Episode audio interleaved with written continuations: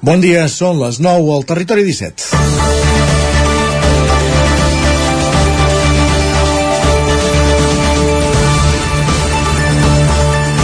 El que pot ser el primer parc solar fotovoltaic de dimensions considerables a la comarca d'Osona continua cremant capítols. Es tracta d'un projecte de gairebé 60 hectàrees dividit en 5 emplaçaments al nord de Manlleu, però que també trepitjaria el terme municipal de Torelló, i que preveu un sisè subsector als camps de sota l'ermita de Sant Jordi, a Folgueroles. La Generalitat va certificar a mig març que la firma que l'impulsa, Vall Morat, pertanyent a la constructora multinacional Avintia, ha presentat tota la documentació necessària. Ara l'estudiaran des del Departament d'Acció Climàtica fins a l'Agència Catalana de l'Aigua o de l'Energia, que emetran els seus informes, i ajuntaments, entitats i particulars hi poden presentar al·legacions. Superada aquesta fase, es redactaria el projecte definitiu. Tot i que serà llavors, quan el plantejament global quedarà definit sobre el paper, ja és un fet que la proposta de Vallmorat ha avançat més que cap altra a la comarca d'Osona des que fa un parell d'anys van saltar les alarmes al voltant dels macroparcs solars. La documentació es pot consultar a través d'internet i desgrana amb detalls tècnics, plànols i fotografies la intenció d'instal·lar plaques sobretot a zones del nord de Manlleu, on ara mateix hi ha camps, així com alguna àrea de margues i de vegetació arbustiva o de bosc jove i compleix les directrius del Consell Comarcal de no superar les 10 hectàrees i mantenir entre si una distància d'almenys mig quilòmetre. Fins aquí, per tant, el projecte té números d'avançar, però és que també es pot considerar el més madur en la dimensió que transcendeix la paperassa, ja que hi ha feina feta en qüestió de converses i acords amb els propietaris dels terrenys on s'instal·larien les plaques. Ara bé, això no treu que les institucions hi vegin contres, com és, el, com és la infraestructura necessària per interconnectar els cinc subparcs i l'estació Carreta Elèctrica d'Espanya té el polígon Malloles de Vic. Segons consta la documentació, tirar endavant el macroparc de Vallmorat requeriria 30 milions d'euros. El parc generaria fins a 41 megawatts d'energia. Les obres començarien al setembre del 2024 i el macroparc es posaria en funcionament al gener de 2026. És allò de posar-nos les piles, perquè la transició energètica, si no la fem nosaltres, ens la faran, en aquest cas, una constructora multinacional de Madrid. És dimecres, 12 d'abril de 2023, en el moment de començar el Territori 17 a la sintonia de la veu de Sant Joan, Ona Codinenca, Ràdio Cardedeu, Ràdio Vic, el 9 FM i també Twitch, YouTube, el 9 TV i la xarxa més, canals a través dels quals ens podeu veure. Territori 17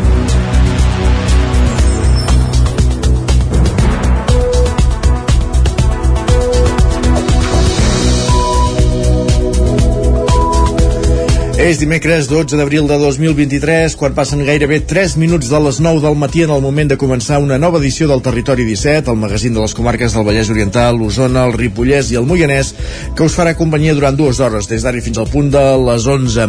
De seguida us avancem els continguts d'aquest matí de dimecres. En aquesta primera mitja hora el que farem serà dedicar-nos a l'actualitat de les nostres comarques, en repassant les notícies més destacades del Territori 17 en connexió amb les diferents emissores que dia a dia fan possible aquest programa.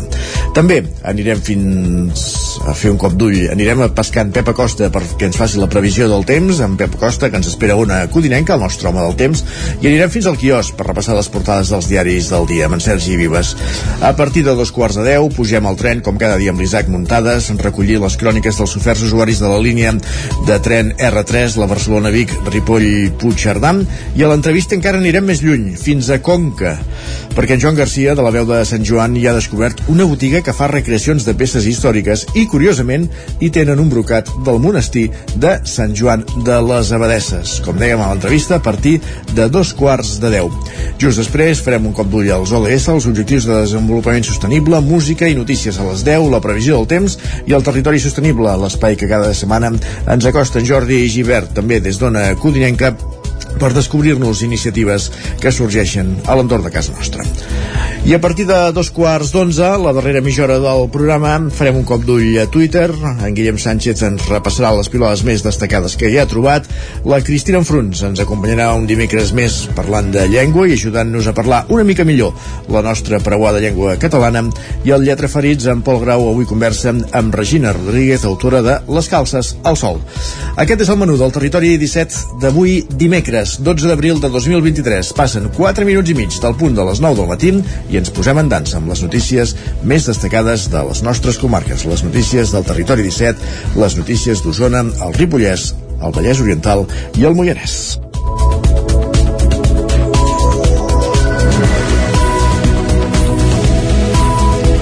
El dispositiu per treure peixos del pantà de Sau continua aturat després del parèntesi de Setmana Santa. El president de la Generalitat, Pere Aragonès, no aclareix en una compareixença davant dels mitjans si es reprendrà la pesca o no. Sergi Vives. Pere Aragonès ha afirmat que serà l'ACA qui n'informarà els propers dies. Aragonès ha qualificat la situació de sequera a Catalunya de greu i ha fet una nova crida als partits per arribar a un acord després de la cimera fallida del dia 31 de març.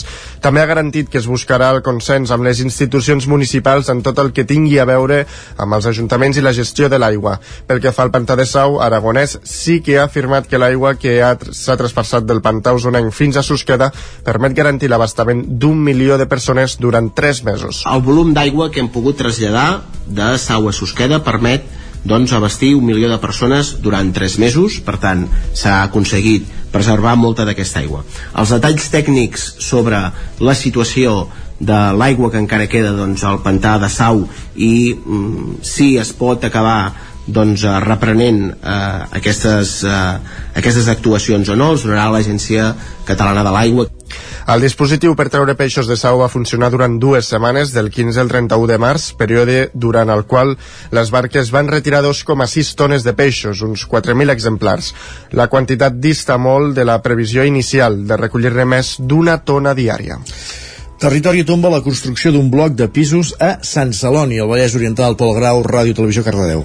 Un informe desfavorable de la Comissió Territorial d'Urbanisme de l'Arc Metropolità de Barcelona, dependent del Departament de Territori, ha tombat el projecte de dos blocs de planta baixa més quatre pisos que hi havia projectes al terreny de l'antiga fàbrica Imar de Sant Celoni. La decisió dona la raó a la trentena de veïns que fa unes setmanes van presentar al·legacions del projecte inicial. Després d'haver estat en exposició pública i haver rebut els informes pertinents, la proposta no es farà realitat. L'informe de Territori demana que el projecte no superi les volumetries de la planta baixa més tres pisos i planteja que la proposta no estava prou justificada. L'Ajuntament L'Ajuntament ja havia aprovat inicialment el pla de millora urbana de l'antiga fàbrica Aymar, presentada per la promotora, en què es parlava de 107 habitatges. Amb l'informe de la Generalitat, el procediment quedarà congelat fins que els impulsors no presentin un nou projecte per fer els terrenys. El grup havia plantejat feia setmanes que la proposta dels dos blocs que s'havia de fer l'Aimar no s'adequava a l'entorn, on no hi ha blocs d'una alçada igual o superior a la que es proposava. Els veïns s'han pres la notícia com una primera victòria. Gràcies, Pol. Més qüestions. No marxem del Vallès Oriental perquè el grup d'Esquerra Republicana de Sant Feliu de Codines ja ha fet públic i acompanyarà l'actual alcaldessa Mercè Serratacó a la llista que encapçalarà per primera vegada. Ho ha fet en un acte en el que també s'hi ha inaugurat el local de campanya acompanyats per l'ex-diputat a Madrid, Joan Tardà. Roger Ram, zona codinenca.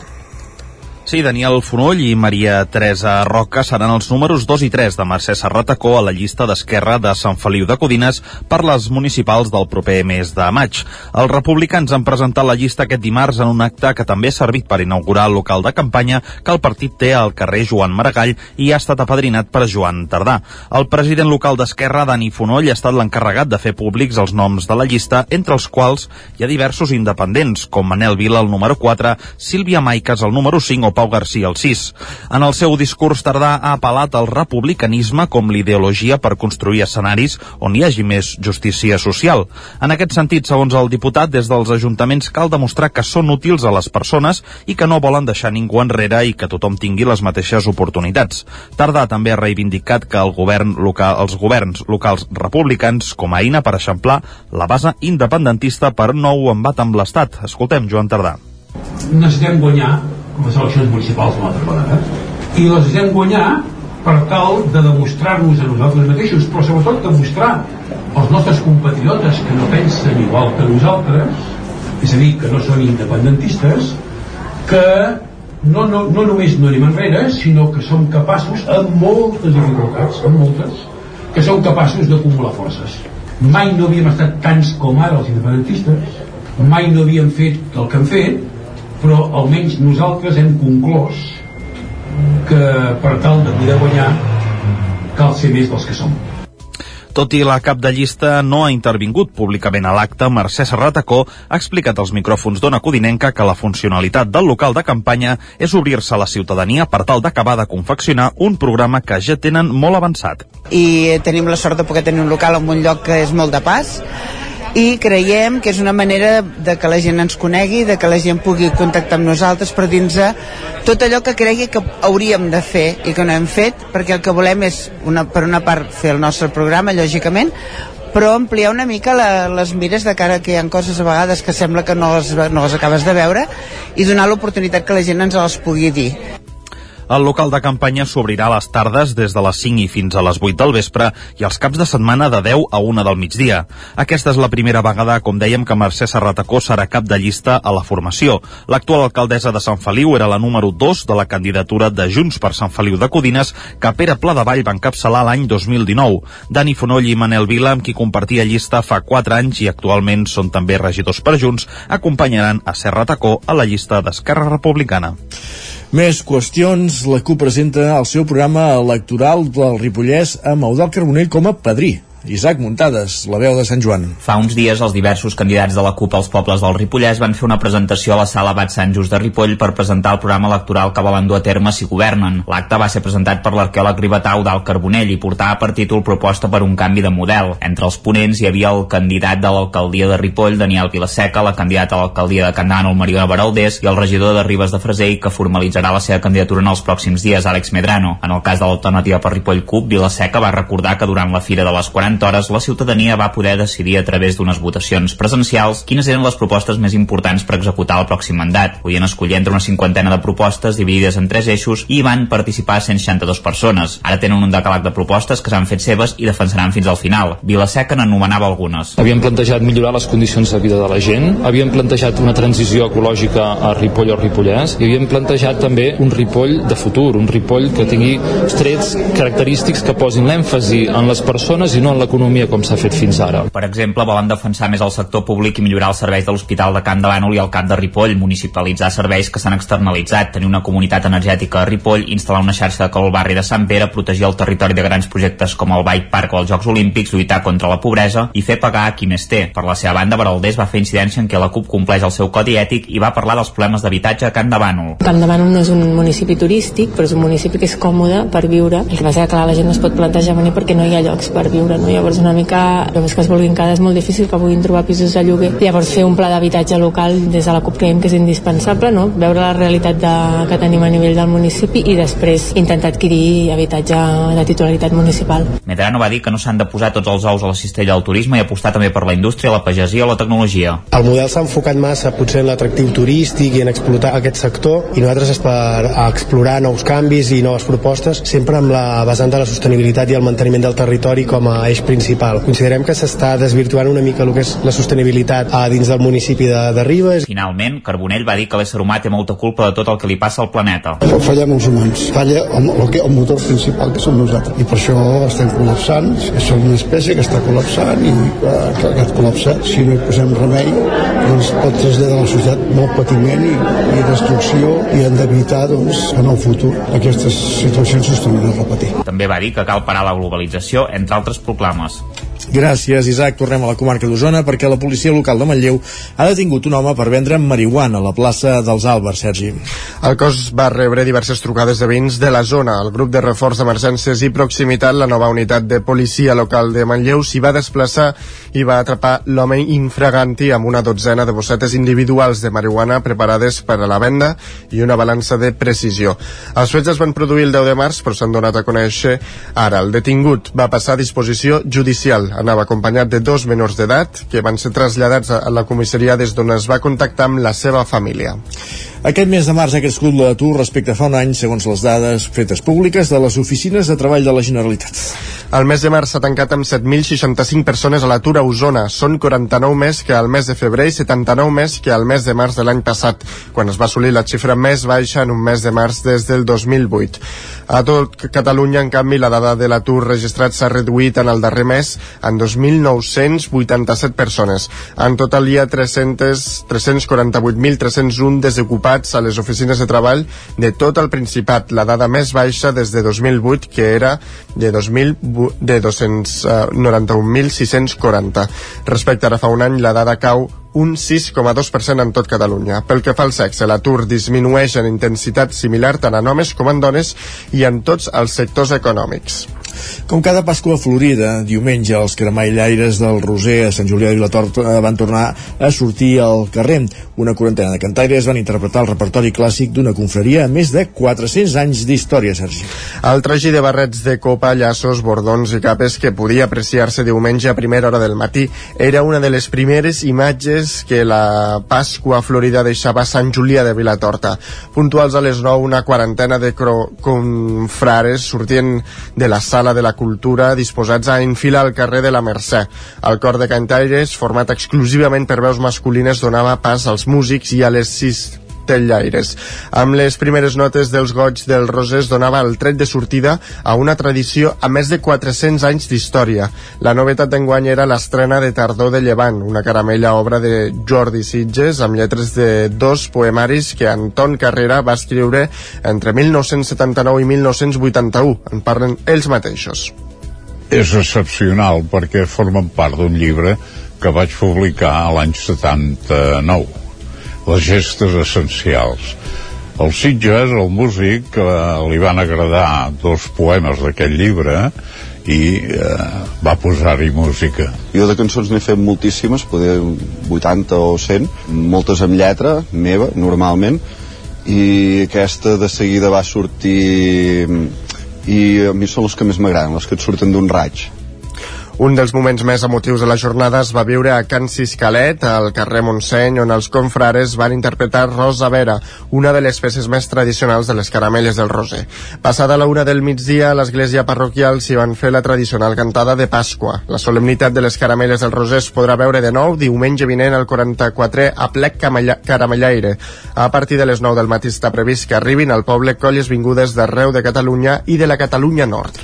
I un últim apunt esportiu per explicar que la Bigatana Alba Riera és la primera líder de la Copa del Món de trial Lucy en la seva categoria després d'imposar-se la prova inaugural celebrada aquest cap de setmana precisament a Vic.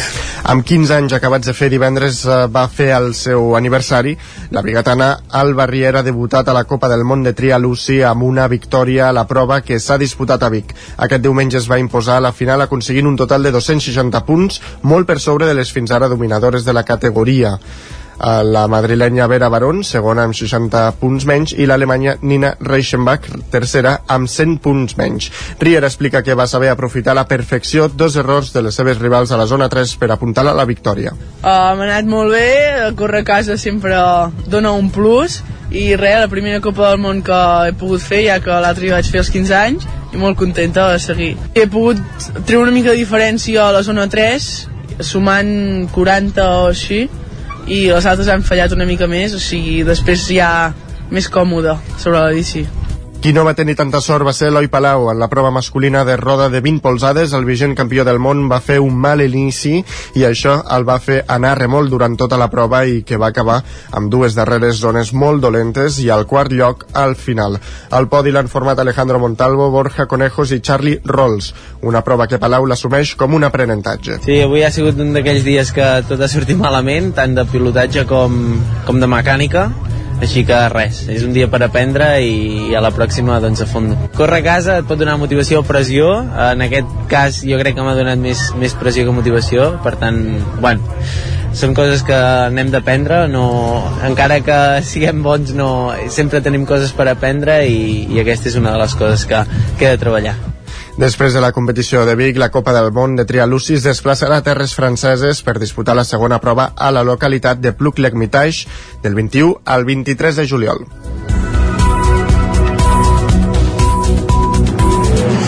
Gràcies, Sergi. Acabem aquí aquest repàs informatiu que començàvem al punt de les 9 en companyia de Sergi Vives, Isaac Muntades, Pol Grau i Roger Rams. És moment al territori 17 de saludar també el nostre home del temps, en Pep Acosta.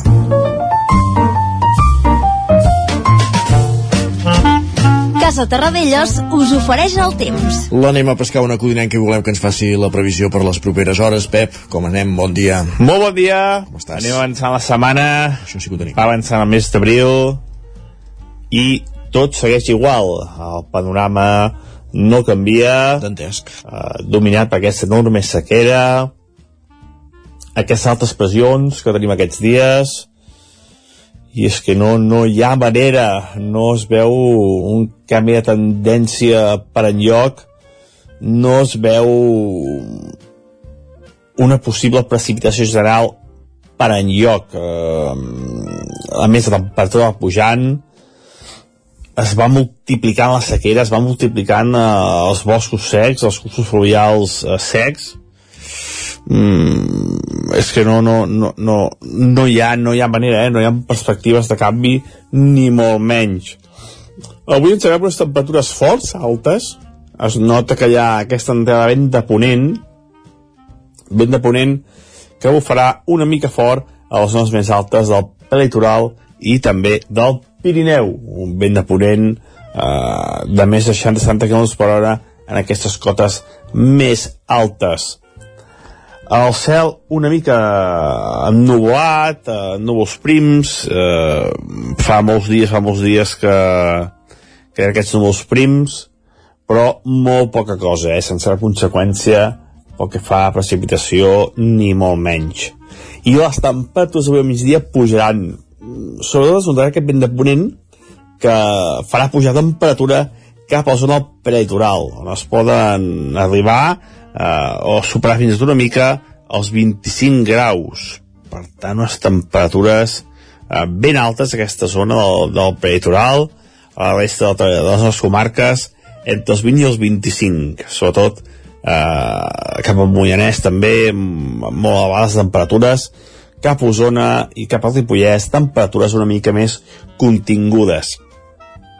I ja de cara a la nit, de cara a la nit hi haurà un petit canvi de temps, arriba un front atlàntic, està portant ja precipitacions eh, cap a, a, a, a l'oest de la península ibèrica, eh, unes precipitacions eh, molt escasses i que de cara al vespre nit arribaran a casa nostra.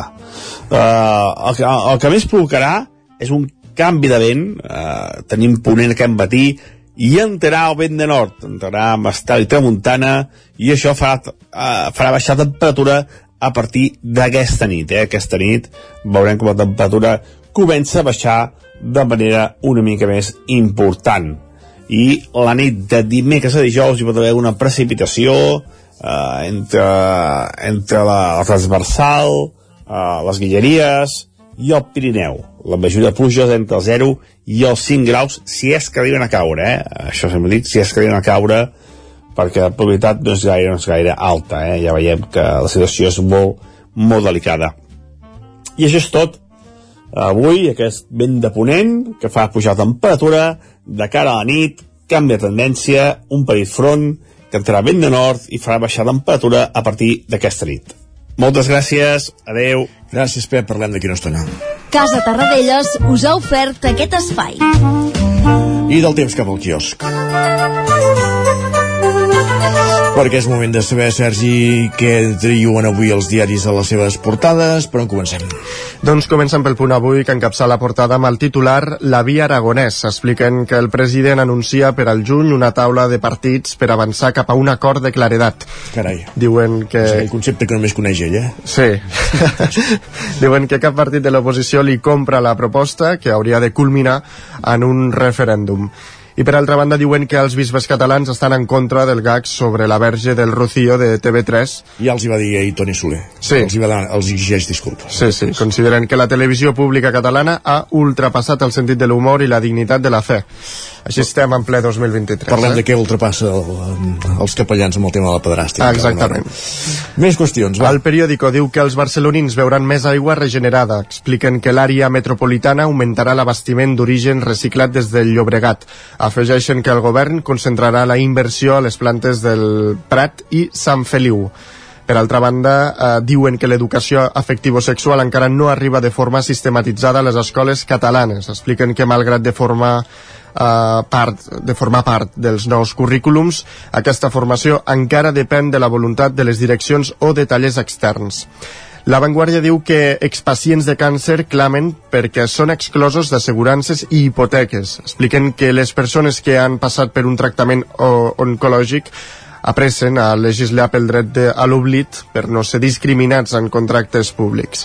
Per altra banda, diuen que Itàlia activa l'estat d'alerta migratori. Expliquen que l'abast de la mesura no és del tot clara, però podria deixar sense efecte algunes normes que ara mateix estan en vigor. Afegeixen que té una vigència de sis mesos. L'ara diu que el Fons Monetari Internacional viu risc real de contagi bancari, veu risc mm, real de contagi bancari i alerta d'un alentiment global. Expliquen que empitjoren les previsions de l'economia mundial a causa del moment d'elevada incertesa.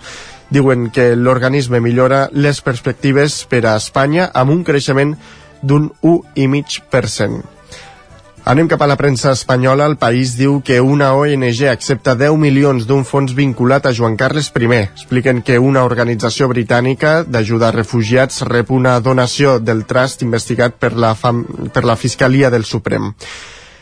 L'ABC diu que Aragonès redobla el puls a Sánchez per calentar les eleccions. Expliquen que el president català tensiona la relació amb els seus socis i anuncia que presentarà el seu pla per la celebració d'un referèndum de la independència abans de les generals. El Mundo destaca els 50 minuts d'interrogatori a la infermera andalusa de la Vall d'Hebron, la que va penjar un vídeo català... Ah, sí? 50 minuts d'interrogatori, pobreta. Sí. Ai, senyor. Expliquen que un instructor enviat pel govern català la va sotmetre com a presumpta inculpada a 40 preguntes només en català. Ostres, diuen... Compte que eren preguntes tan complicades com nom, cognoms, edats sí, i... Sí, i, perquè i, aquests del Mundo també treuen el titular de... Bueno, diuen que, la, diuen que la jove va haver de respondre amb traducció en un ambient agressiu i després va deixar el, la feina. Pobrissora. En fi. Per altra banda, diuen que la Porta va dissimular pagaments a Negreira com a despeses de relacions públiques. Expliquen que comptabilitzava factures al número 2 dels àrbitres entre regals de rellotges i entrades. Per cert, parem màquines. La Porta donarà explicacions dilluns. Sí? Mil anys després. Vinga. Vaja, en fi. I acabem, acabem amb la Razón, que diu que més de 200 càrrecs de ciutadans a tot Espanya ja han marxat al PP. Expliquen que en la direcció taronja no hi ha més incentiu que veure qui arriba al final per repartir-se la caixa. Ràpidament, repassem digitals a l'edició d'Osona i el Ripollès del 99.cat. Doncs que Sant Júlia es retroba amb les caramelles del Roser. I a l'edició del Vallès Oriental. Doncs que la Diputació obre la reserva d'entrades per visitar Sant Miquel del Fai a partir de dissabte. Aviam si és veritat que definitivament podem tornar a Sant Miquel del Fai. Gràcies, Sergi. Fem una petita pausa i tornem de seguida aquí al Territori 17. El 9 FM, la ràdio de casa, al 92.8. No t'ho creuràs. M'ha trucat el servei tècnic oficial de Saunier Duval perquè han detectat a distància que li falta aigua a la caldera. Era a casa i no me n'havia adonat. I què has fet? Res, perquè el meu servei de manteniment Mi Saunier Duval Connect m'ha donat una solució en qüestió de minuts. Informeu-vos a connectivitat.saunierduval.es. Saunier Duval, sempre al seu costat. Estàs preparat per aquest estiu? A Boi Galter som especialistes en tot allò relacionat amb la protecció solar per a qualsevol necessitat d'espai, tendals, pèrgoles, escrins interiors. Anticipa't a la calor. T'assessorem i t'oferim la màxima garantia de confort i benestar per casa teva. No ho dubtis i vine a Boi Galtés. Ens trobaràs al carrer Jaume I de Vic número 5 al 93 886 1420 a la nostra web www.boigaltés.com i també som a Instagram boigaltés.tendals Ser a prop vol dir veure les coses més bé. Apropa't al que t'interessa amb la xarxa Més. La teva plataforma audiovisual de qualitat, proximitat i gratuïta. Gaudeix dels continguts de més de 30 televisions locals i podcast quan, com i on tu vulguis. Entra a la xarxa més.cat i descarrega't l'app. Cocodril Club. Si t'agrada la bona música dels anys 60, 70 i 80, escolta el 9 FM als matins de dissabtes i diumenges d'11 a 1. És el temps del Cocodril Club, tot un clàssic de la ràdio, amb les bases del pop-rock, les llegendes, les cançons que s'han convertit en autèntics himnes. Recorda, dissabtes i diumenges al matí, d'11 a 1, al 9 FM 92.8. Cocodril Club, el programa revival de l'Albert Malla. Hasta luego, cocodrilo. Anuncia't al 9FM. La màquina de casa. 9 3 8 8 9 4 9 4 9. Publicitat arroba al 9FM.cat. Anuncia't al 9FM. La publicitat més eficaç.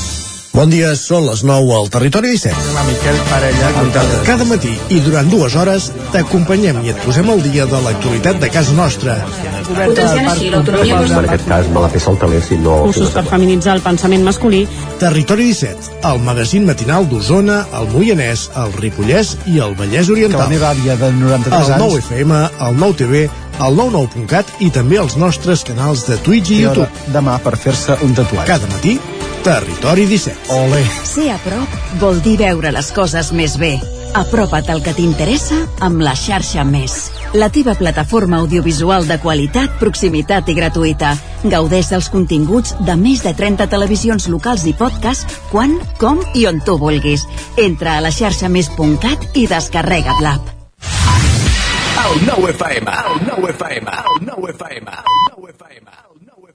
Territori 17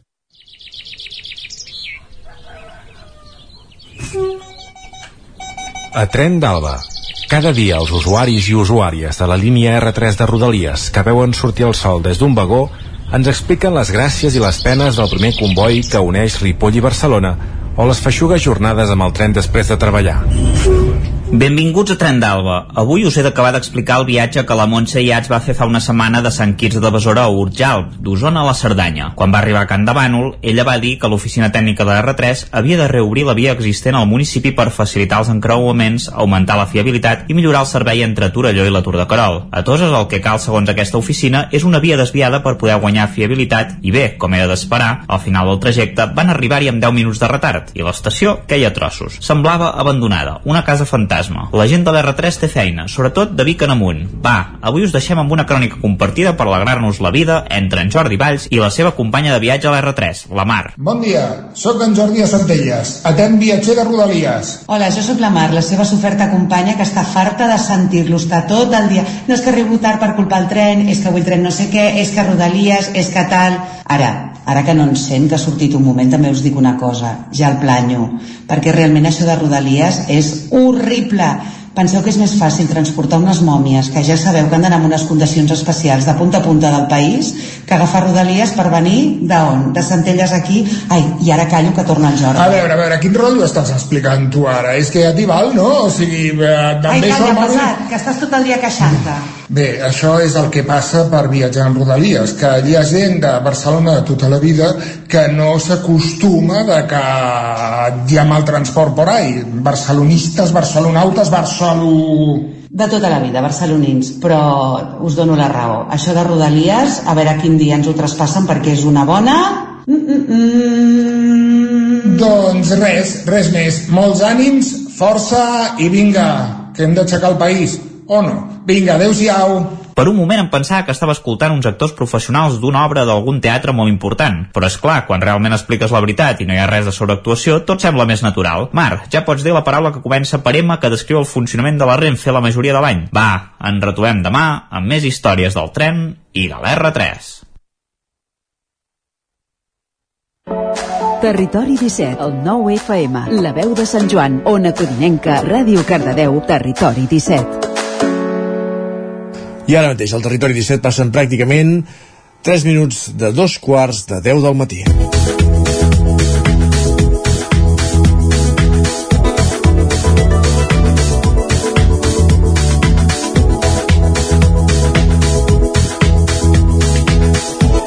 I avui a l'entrevista anem lluny, anem molt lluny, travessem fronteres, de fet. Anem fins a Conca, on en Joan Garcia, de la veu de Sant Joan, ja ha descobert una botiga que fa recreacions de peces històriques i, curiosament, hi tenen un brocat del monestir de Sant Joan de les Abadesses. Per tant, anem fins a la veu de Sant Joan, allà ens espera en Joan Garcia. Benvingut, Joan, bon dia.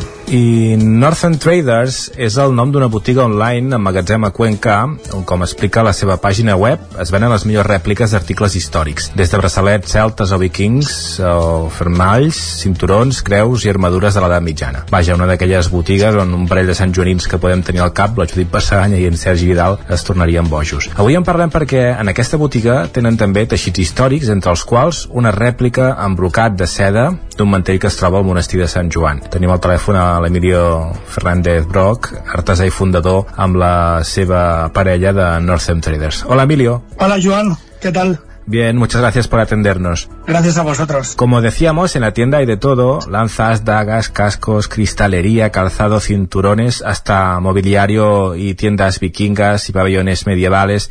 Explícanos un poco qué es Northern Traders y de dónde viene vuestra pasión por la Edad Media y, y las ganas de recrearla con, con todos estos artículos. Bueno, pues eh, nos tenemos que remontar a hace alrededor de 10 años, cuando yo empiezo con una afición que está bastante extendida, es la recreación histórica. Eh, para quien no sepa lo que es la recreación histórica, consiste en recrear una época, un pasaje de la historia, a través de la cultura material que nos, nos ha quedado de dicha época, ¿no? Entonces, bueno, pues eh, empezamos teniendo como objetivo el de poder proveer a nuestra comunidad de compañeros recreacionistas de material para recrear y lo que empezó siendo una afición y una artesanía al final se nos fue un poco de las manos y ahora mismo tenemos más de 500 productos en stock y enviamos a todo el mundo. ¿Qué os, qué os diferencia de, de, otras tiendas? Porque entiendo de, de, este estilo, porque como has dicho, es recreación, no, es, no, es, no son simples disfraces, es decir, hay un estudio detrás ¿no? de, uh -huh. de, de los productos que ofrecéis. Eso es, lo has explicado muy bien. Eh, nosotros vendemos exclusivamente reproducciones de piezas históricas. Esto significa que las, los productos que nosotros vendemos en la tienda se pueden encontrar en colecciones privadas, en museos, o los originales, pero fabricados en la época actual con algunas veces con técnicas tradicionales y otras con nuevas técnicas de producción. En el caso de la joyería, por ejemplo, pues se ha avanzado bastante, pero al final la esencia es la misma, ¿no? Que es la fundición por cera perdida, que de la misma forma o muy similar a como se hacía hace mil años, pues seguimos produciendo ahora. Porque vosotros, esto empezó como, como has dicho, como, como, como un hobby, como un interés, pero de formación, ¿tenéis alguna cosa relacionada con esto o, o habéis ido aprendiendo? Pues yo, soy, somos aficionados a la historia y a la arqueología, pero mm. simples aficionados. Al final, toda la información que aparece en la web, pues es fruto de muchas horas de investigación y tenemos que estar consultando casi diariamente las webs de, de museos para, bueno, un poco a la caza, ¿no? De esas piezas nuevas que salen, que encuentran ¿no? arqueólogos en, en, diferentes lugares para reproducir esas piezas y poder ofrecerlas en nuestra web. ¿Quiénes son vuestros clientes habituales? Tenemos un, un digamos, nuestro cliente objetivo realmente es la gente que se dedica a la recreación histórica, ¿vale? Uh -huh. Como, como te comentaba antes, eh, la recreación histórica consiste en recrear una época, ¿no?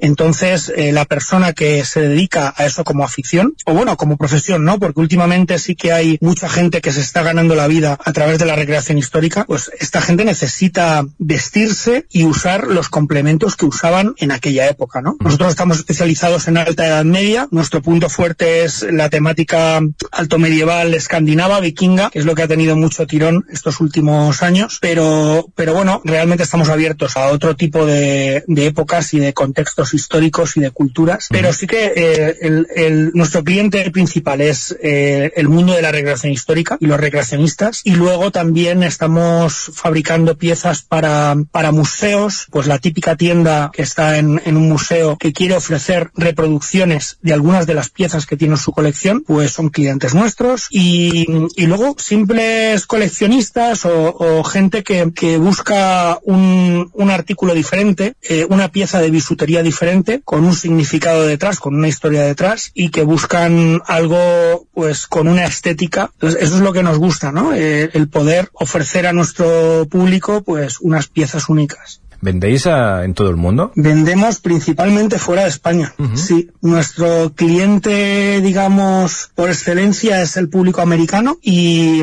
luego pues estarían otros destinos, ¿no? Como Inglaterra, Francia, Alemania. Ahora estamos vendiendo también mucho a, a los países nórdicos y quizá en último lugar y por desgracia eh, al público nacional. Es lo que tiene la globalización y las redes sociales y el vender a través de internet, ¿no? Que te abres a unos mercados que a veces te sorprende, ¿no? Del alcance que puedes llegar a tener.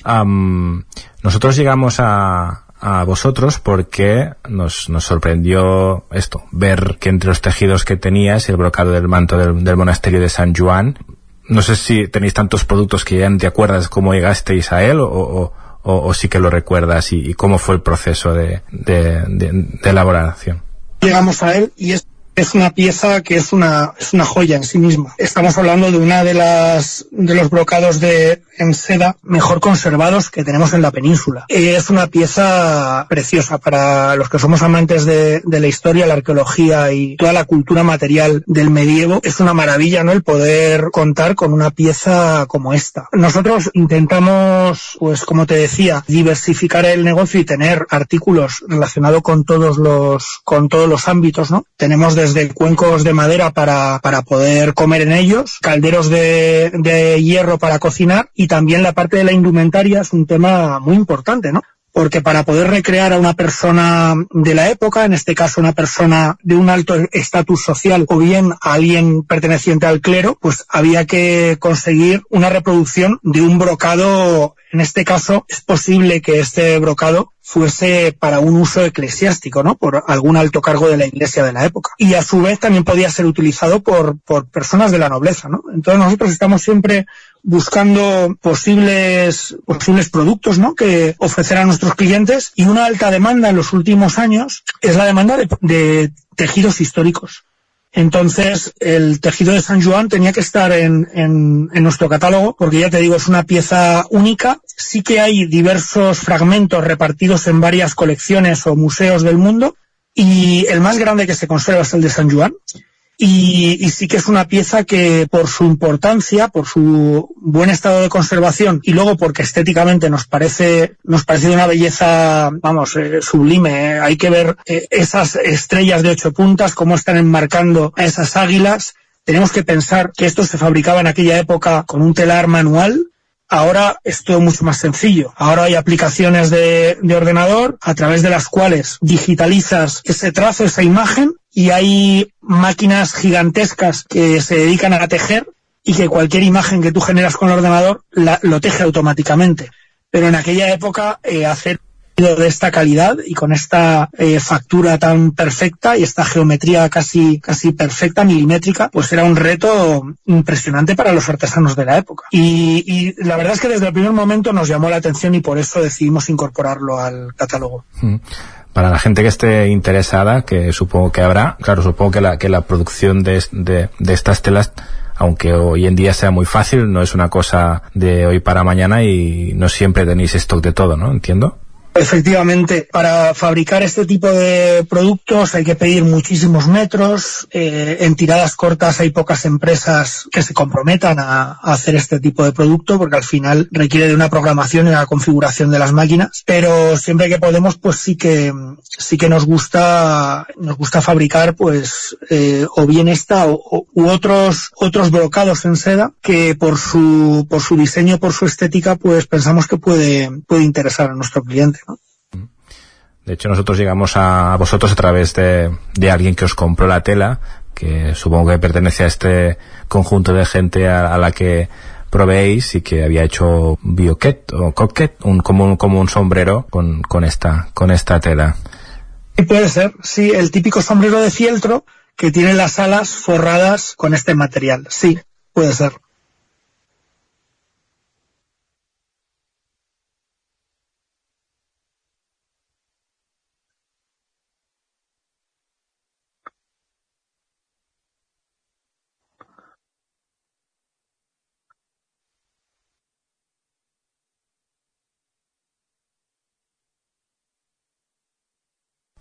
El pali de brujas. Luego te, te envío una, una, una captura o más información, que también es interesante, también es del siglo del siglo uh, XII.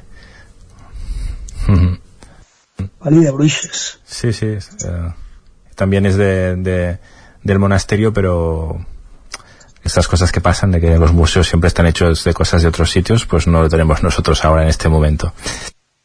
Pues sí, suele pasar a veces, eh, se anteponen si va a estar expuesta en un lugar más, más visitado, ¿no? Al final acaban por, por llevarse algunas piezas que deberían estar, yo siempre, siempre que hablamos de estos temas, ¿no? Y, y ponemos como ejemplo el, el Museo Arqueológico Nacional, el MAN, que tiene muchísimas piezas interesantes en su poder, pero, pero de alguna forma el, el sitio eh, para exponer esas piezas es la localidad donde se han encontrado. ¿no? Es muy interesante ¿no? para el público en general ir a, a un museo grande y encontrarse todas las piezas ahí expuestas, pero al final le está restando importancia ¿no? a la localidad que ha albergado esa pieza y en muchos casos a una cultura entera, ¿no? a una población entera, eh, ya sea de la, de la época que sea. ¿no? Mm, estamos, estamos de acuerdo. Pues Emilio Fernández, empresari fundador la seva parella de North Traders, muchísimas gracias y que vaya muy bien. Gracias a ti, Joan. Adiós. Un saludo. Gràcies també a tu, Joan, per aquesta entrevista, com bé dèiem, amb aquesta botiga de Conca, on, com hem escoltat i hem descobert eh, un brocat del monestir de Sant Joan de les Abadesses, una botiga que fa recreacions de peces històriques. Amb això acabem l'entrevista d'avui, avancem al territori 17 i el que fem tot seguit és endinsar-nos al món dels ODS, els Objectius de Desenvolupament Sostenible.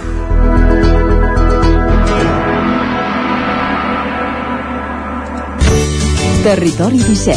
Envia'ns les teves notes de veu per WhatsApp al 646 079 023. 646 079 023. WhatsApp Territori 17.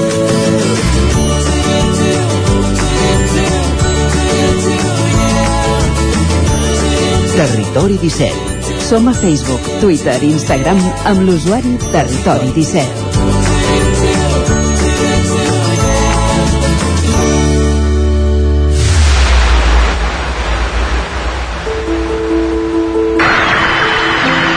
Porque yo podría y me atrevería a decir que el individuo no es más que un eslabón, un pequeño eslabón en una larguísima cadena, cuyo origen se pierde en la noche de los tiempos y cuyo fin está todavía por forjar. L'aleteig d'una papallona es pot sentir a l'altra punta del món. Tot comença per tu. Susara Avia Punto. Ona ODS. Onda ODS. Una finestra oberta Una ventana abierta. a un futur sostenible. Etorkizun jasangarri baten ardatz. Una fiestra aberta A un futur sostenible.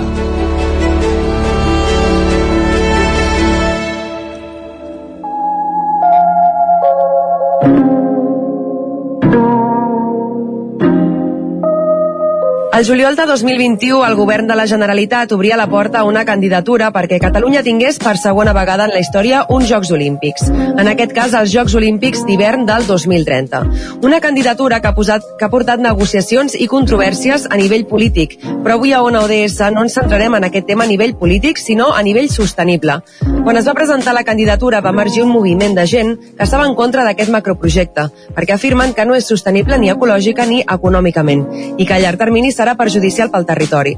Per parlar de tot això tenim amb nosaltres a la Raquel Estany, una de les portaveus de Stop Jocs Olímpics, una plataforma que està en contra de la candidatura dels Jocs Olímpics d'hivern Barcelona-Pirineus perquè creuen que és un projecte que no respon a les necessitats del Pirineu.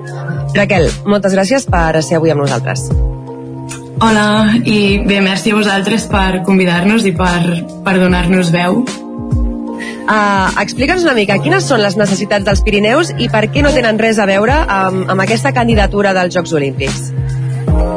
Uh, bé, jo crec que per entendre les necessitats de, dels Pirineus, com de qualsevol altre territori, eh, cal entendre primer de tot el context en el que ens trobem.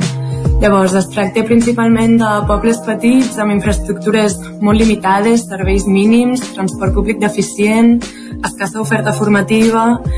Llavors hi ha com tota una llarga llista de necessitats bàsiques que necessiten ser resoltes i que la rentada de cara que suposarien uns Jocs Olímpics eh, que duren només uns dies deixaria el territori en una situació encara més precària per als nostres pobles perquè deixarien de ser encara més un lloc per viure a ser una experiència per la gent que ve de fora.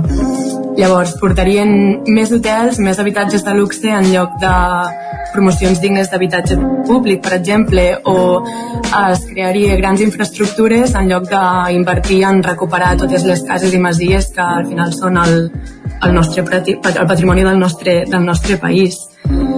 Eh, bueno, un exemple molt clar és, és el que suposaria la millora de, de carreteres, que en lloc de connectar petits pobles i valls, que ara mateix és una, és una mica una broma el que és la, la, el, la quantitat de temps que es tracta d'anar a punt B, connectar petites empreses, doncs el que es faria és potenciar una connexió radial des de Barcelona a estacions d'esquí. És a dir, que això està pensat des d'un entorn urbà i no des de, des de la terra.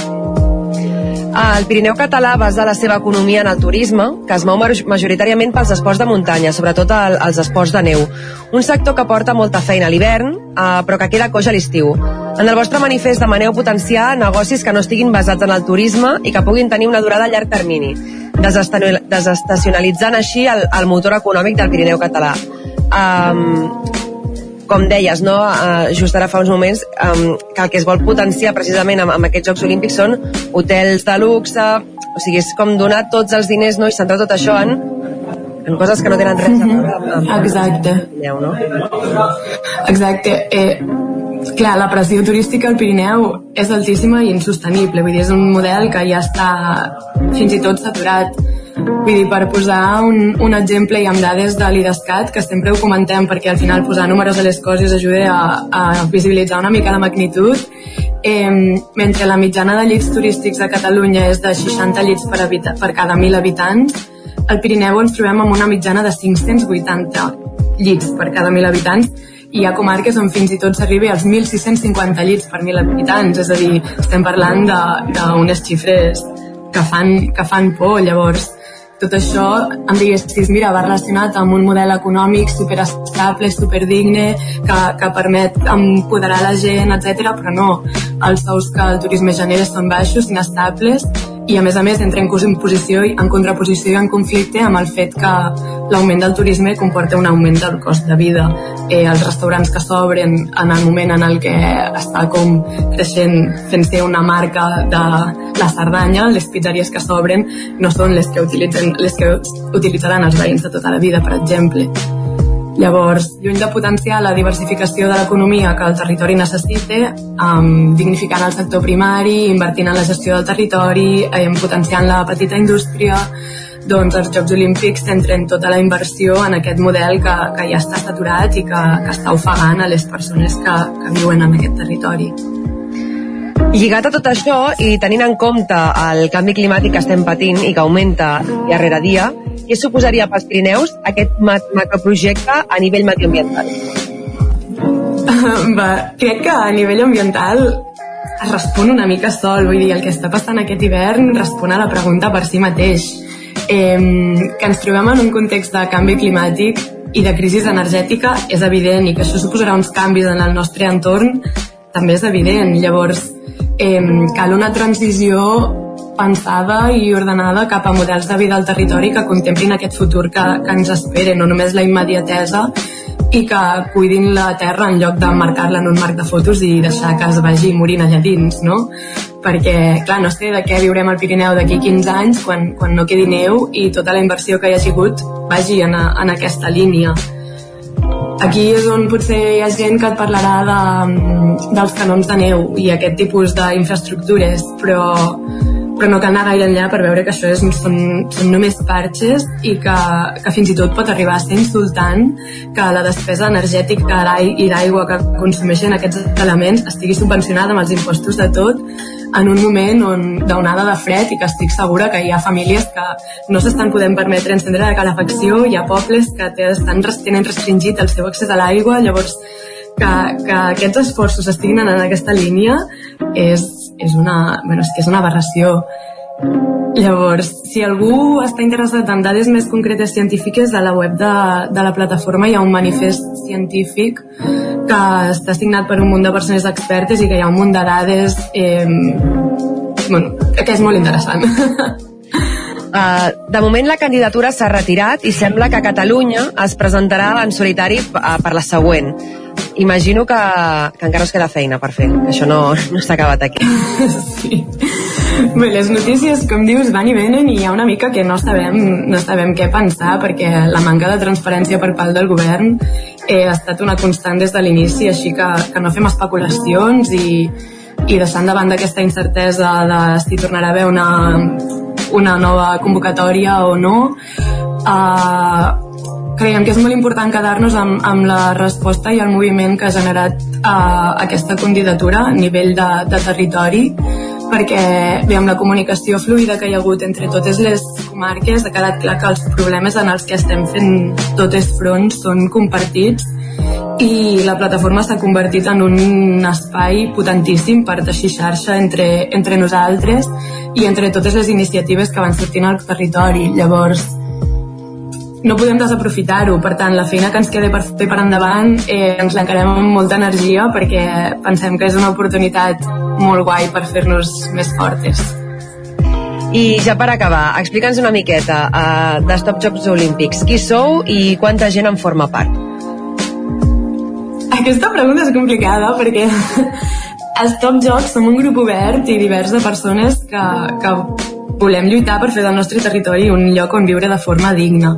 Llavors, dic que és complicat dir quanta gent en formi part perquè, a part dels grups de treball més concrets, que des de la coordinació que surten per projectes més, més específics, cada comarca disposa de la seva assemblea que es reuneix de forma més o menys regular per tant, eh, jo et podria dir la, la gent que forma part en la meva comarca però, però és un moviment bastant ampli i que a part de, de totes aquestes persones que potser sí que hi són més presents dia a dia eh, hi ha grups de persones essencials que, que, que no hi són en aquesta constància però que com es va demostrar en la manifestació de Puigcerdà hi són i, i seran quan se'ls necessiti llavors són moltes Molt bé, Raquel, doncs moltíssimes gràcies per, per aquesta entrevista i, i res, espero que, que vagi molt bé, que la plataforma segueixi endavant. Merci a vosaltres.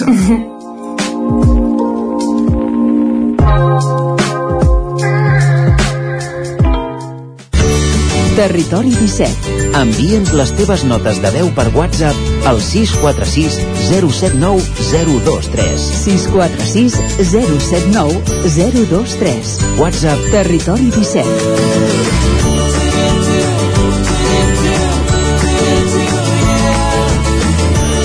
Territori 17. Som a Facebook, Twitter i Instagram amb l'usuari Territori 17.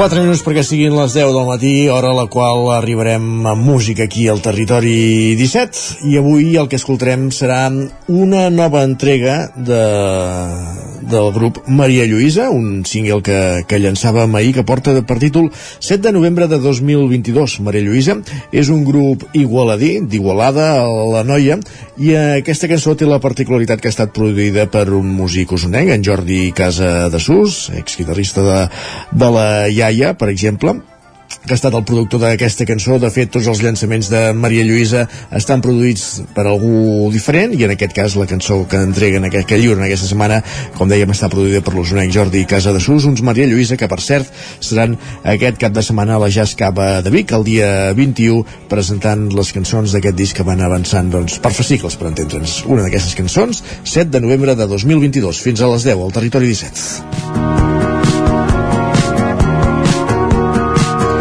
I aquesta no és la cançó, aquesta sí que és la cançó de Maria Lluïsa que us avançàvem 7 de novembre de 2022 com dèiem dels igualadins Maria Lluïsa, cançó produïda per l'usonenc Jordi Casadesús, un grup que serà aquest que de, aquesta setmana no, que el cap de setmana vinent, el dia 21 a la Jazz Cava de Vic. 7 de novembre de 2022 Maria Lluïsa, al territori 17 fins les 10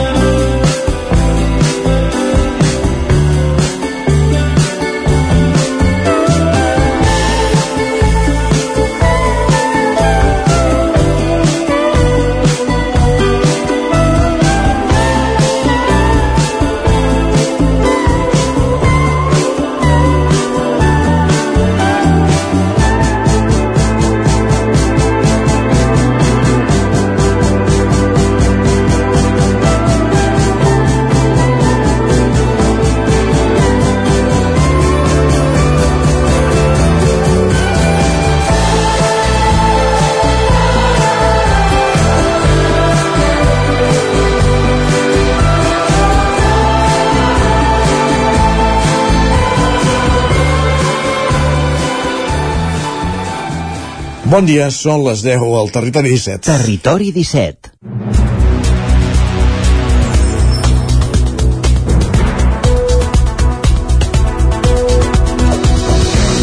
I som de trempats al territori 17 que desitgem bon dia a totes hores.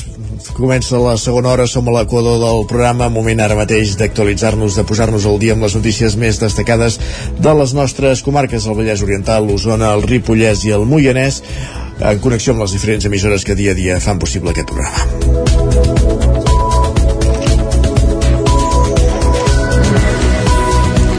Jaume Soler i Serra i la delegació de la Fundació Oncolliga de Sant, de Sant Joan de les Abadesses guanyen la sisena edició dels Guardons M de Barcelona. Isaac Muntades des de la veu de Sant Joan.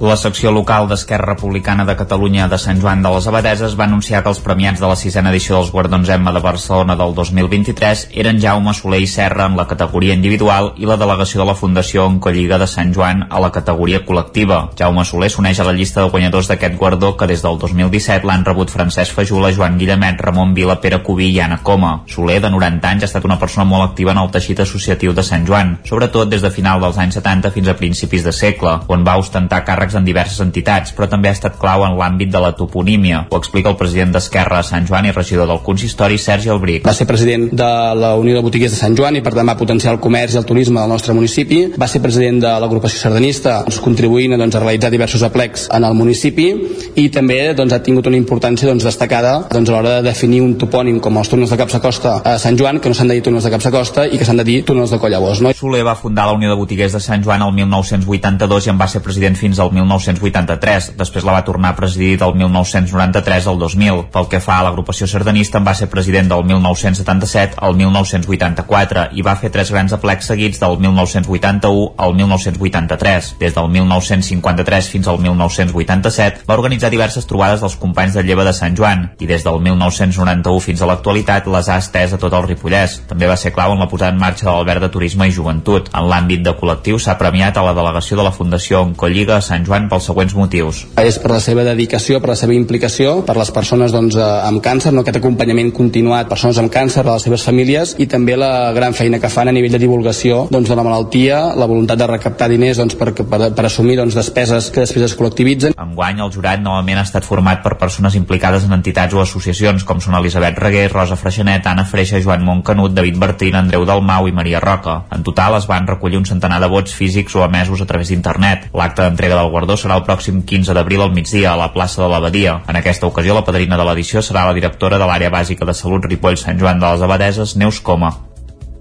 Més qüestions.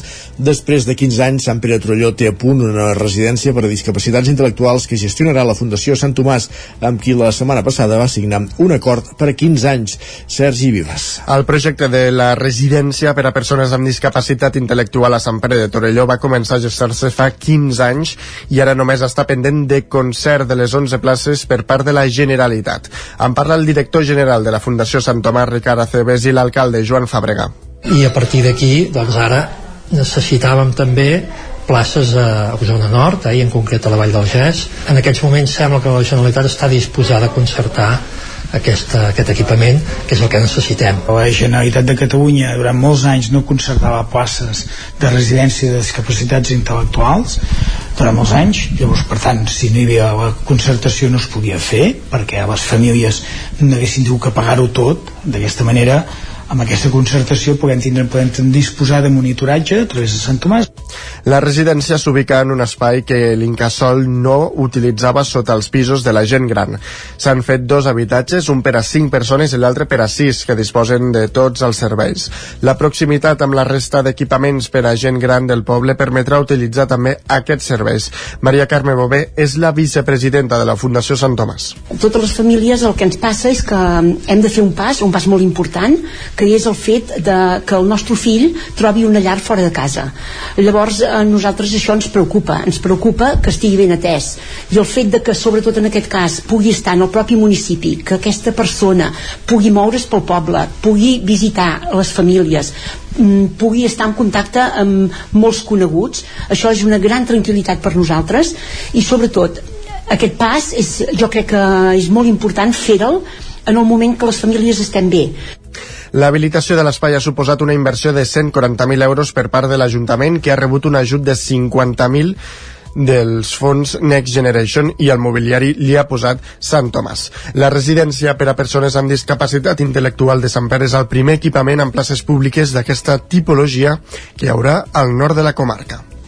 Més qüestions. La Guàrdia Civil situa la biguetana Marta Rovira, secretària general d'Esquerra Republicana, com a líder del Tsunami Democràtic. Així constaria en un informe que forma part de les diligències de l'Audiència Nacional sobre el Tsunami Democràtic, segons ha publicat el Confidencial. La Guàrdia Civil considera que les accions de Tsunami que re, de resposta a la sentència del judici del procés no van sorgir d'un moviment espontani de la societat civil, sinó que van ser dissenyats pels partits independentistes amb la voluntat de pressionar l'Estat i de donar suport als líders condemnats. El tsunami va convocar el bloqueig de l'aeroport del Prat el dia que es va publicar la sentència actes de desobediència en la jornada de reflexió de les eleccions generals del novembre de 2019 al tel de l'AP7 a Pertús i com a última mobilització la que va tenir lloc durant la disputa del, del clàssic entre el Barça i el Madrid al Camp Nou. La documentació de la Guàrdia Civil, segons el Confidencial, atribueix a Marta Rovira la direcció de l'aparell polític del tsunami i la coordinació amb la resta de partits independentistes. L'informe s'hi recull com a cita clau de la creació de Tsunami Democràtic una trobada a Ginebra l'agost de 2019 en què haurien participat Marta Rovira, l'expresident de, la, l'expresident de la Generalitat Carles Puigdemont i l'exdiputada de la CUP Anna Gabriel. A la direcció del moviment també s'hi vincula l'empresari Oriol Soler, l'exconseller d'Esquerra Xavi, Xavier Vendrell i Oleguer Serra d'Òmnium Cultural. Des d'Esquerra Republicana, tant la portaveu Marta Vilalta com el president de la Generalitat Pere Aragonès han declinat fer valoracions sobre el que ha transcendit mediàticament argumentant que no han pogut accedir a l'informe de la Guàrdia Civil. No entrarem a fer valoracions d'especulacions doncs, que han aparegut als mitjans de comunicació, a diversos mitjans de, de comunicació. A nosaltres no ens consta cap informe ni res i per tant és impossible poder valorar res quan no tens constància de, de res. No, no he pogut accedir en aquest informe a la seva totalitat. Comprendrà que amb una qüestió tan important tenir una opinió fonamentada doncs, eh, fins que no estigui tota la informació pública no em pugui pronunciar i en tot cas recordar que hi ha un dret a la lliure manifestació i un dret a la llibertat d'expressió que s'han de garantir sempre en una democràcia perquè són drets fonamentals Marta Rovira es va exiliar a Suïssa al març de l'any 2018. El Tribunal Suprem la va processar en aquell moment pel delicte de rebel·lió en la causa de l'1 d'octubre. Amb la modificació del Codi Penal, el Suprem la processa ara per desobediència, delicte que no comportaria penes de presó. Més qüestions. L'alcalde de Mollà, Dionís Guiteres, publica el seu primer llibre, Lligar-se bé, Lligar bé les espardenyes, on proposa solucions rurals als reptes globals. Roger Ram, zona codinenca. Després de presentar-lo a Mollà, el polític moianès farà ara una gira a diferents punts de tot Catalunya, aprofitant la proximitat de Sant Jordi. La voluntat de reflexionar sobre temes com ara l'emergència climàtica de manera àmplia l'ha portat a fer aquest llibre per tractar-los en la mesura que es mereixen i que Twitter, converses o entrevistes no permeten desenvolupar-los de manera acurada. Per tant, com que era complexa, com que és difícil, com que no hi ha temps, reflectit eh, tal com ho veig, tal com ho venço. Per, per mi és com un, no un testament perquè plegui, sinó un, no, deixar per escrit com veig jo les coses i com crec que s'haurien d'entomar. Guiteres també explica com afronta ara una nova faceta d'escriptor després d'una llarga trajectòria política tant a Mollà com a la Diputació de Barcelona i també al Parlament però despullar-se davant de la gent i deixar per escrit quin és el teu pensament polític, doncs eh, sí, a mi em va impressionar, va, va anar molt bé, també quan vagi de bolos de presentació, que vol dir anar a llocs on la gent no et coneix i on et coneixen molt poc, o com encaixa eh, amb l'expressió del que explico en el llibre, serà més complicat i també emocionant. Des d'una mirada rural, pragmàtica, imaginativa i trencadora, Guiteres proposa solucions rurals als reptes globals, però per assolir-los adverteix, això sí, que cal tenir voluntat, compromís i la ment oberta. L'Ateneu Cooperatiu del Vallès Oriental reactiva els punts COP en vuit municipis de la comarca. Pol Grau, Ràdio Televisió Cardedeu. Aquesta primavera l'Ateneu Cooperatiu del Vallès Oriental recupera els punts d'assessorament gratuït en cooperativisme i economia social i solidària en 8 municipis de la comarca. Els punts COP funcionaran sota demanda i tots els serveis que s'ofereixen són gratuïts. D'aquesta manera, l'Ateneu Vallèsà fa una passa més en el seu objectiu d'estendre's arreu de la comarca. La pandèmia va en sec la presencialitat d'aquestes subseus descentralitzades i a partir d'ara els punts COP estaran ubicats a Caldes de Montbui, Caradeu, Granollers, La Garriga, Mollet del Vallès, Montornès del Vallès, Sant Celoni i la Vall d'Atenes. Els punts COP són els espais de referència i d'atenció presencial a demanda de l'Ateneu Cooperatiu del Vallès Oriental. Qualsevol persona s'hi pot adreçar per rebre acompanyament gratuït i a mida per crear el seu projecte cooperatiu o bé consolidar-lo. A més dels punts COP, l'Ateneu Cooperatiu hi tindrà facilitat de poder programar o dinamitzar activitats per a la divulgació, l'enxarxament o la formació al voltant de l'economia solidària i les necessitats detectades. I un últim apunt per explicar que Sant Pere de Torelló ha dedicat un espai a l'alzina grossa, l'arbre amb més de 4 segles d'història que el temporal Glòria va fer caure el gener de 2020, Sergi. Part del tronc s'ha convertit en un, mo Perdó, en un moviment fixat a terra i al seu costat s'hi ha col·locat un plafó obra de Jordi i la Mola amb un anell del tronc de l'arbre i, de, i diferents dates significatives entre 1582 i 2020, els 437 anys que un estudi va determinar que tenia l'alzina quan va caure. En la vida de l'arbre es van produir des de la Guerra dels Segadors i la Guerra de Successió fins a episodis en clau més local com una revolta de dones santperenques contra els recaptadors de l'impost de consums. Per escollir les dates s'ha comptat amb l'assessorament de l'historiador santperenc Joan Torrents. Després eh, l'espai també compta amb dos bancs fets amb fusta de l'Alzina. A dalt del santuari, la plec va comptar amb les activitats habituals, la missa i els sondejos de cistells i pernils i també amb l'actuació dels gegants i els capgrossos de Sant Pere. Gràcies, Sergi. Acabem aquí aquest repàs informatiu que començava amb el punt de les 10 en companyia de Sergi Vives, Pol Grau, Roger Rams i Isaac Muntades. És moment al territori 17 de saludar també el nostre home del temps, en Pep Acosta.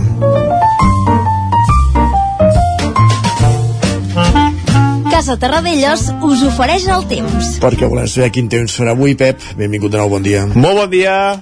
El cel una mica ennubulat, eh, núvols prims, eh, fa molts dies, fa molts dies que, que aquests núvols prims, però molt poca cosa, eh, sense conseqüència pel que fa a precipitació, ni molt menys. I les temperatures avui al migdia pujaran, sobretot es notarà aquest vent de ponent, que farà pujar temperatura cap a la zona prelitoral, on es poden arribar eh, o superar fins una mica els 25 graus. Per tant, unes temperatures eh, ben altes aquesta zona del, del prelitoral, a la resta de, de les nostres comarques, entre els 20 i els 25, sobretot eh, cap al Moianès també, molt elevades temperatures, cap a Osona i cap al Ripollès, temperatures una mica més contingudes. I ja de cara a la nit, de cara a la nit, hi haurà un petit canvi de temps, arriba un front atlàntic, està portant ja precipitacions eh, cap a, a, a, a l'oest de la península ibèrica, eh, unes precipitacions eh, molt escasses i que de cara al vespre nit arribaran a casa nostra. Eh, el, que, el que més provocarà és un canvi de vent, eh, tenim ponent aquest matí, i entrarà el vent de nord, entrarà amb estat i tramuntana, i això farà, eh, farà baixar la temperatura a partir d'aquesta nit. Eh? Aquesta nit veurem com la temperatura comença a baixar de manera una mica més important. I la nit de dimecres a dijous hi pot haver una precipitació eh, entre, entre la, la transversal, eh, les Guilleries, i el Pirineu. La majoria de pluges entre el 0 i els 5 graus, si és que arriben a caure, eh? Això sempre dic, si és que arriben a caure, perquè la probabilitat no és gaire, no és gaire alta, eh? Ja veiem que la situació és molt, molt delicada. I això és tot. Avui, aquest vent de ponent, que fa pujar temperatura, de cara a la nit, canvi de tendència, un petit front, que entrarà vent de nord i farà baixar temperatura a partir d'aquesta nit. Moltes gràcies, adeu. Casa Tarradellas us ha ofert aquest espai. Un minut, volem dir 15 segons perquè sigui un quart d'onze del matí el que fem tot seguit al territori 17 és endinsar-nos al territori sostenible.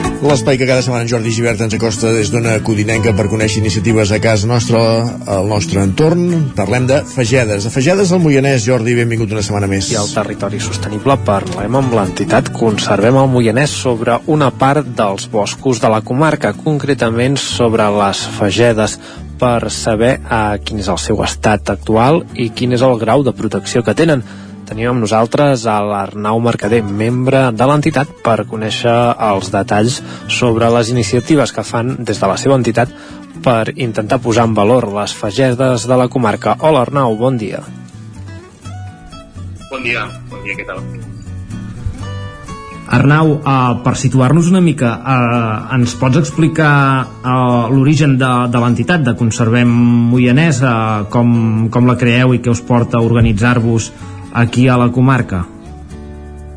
Sí, mira, um, conservem el, el Moianès neix um, amb una colla d'amics com un grup uh, al principi de, de denúncia ambiental a través de les xarxes socials.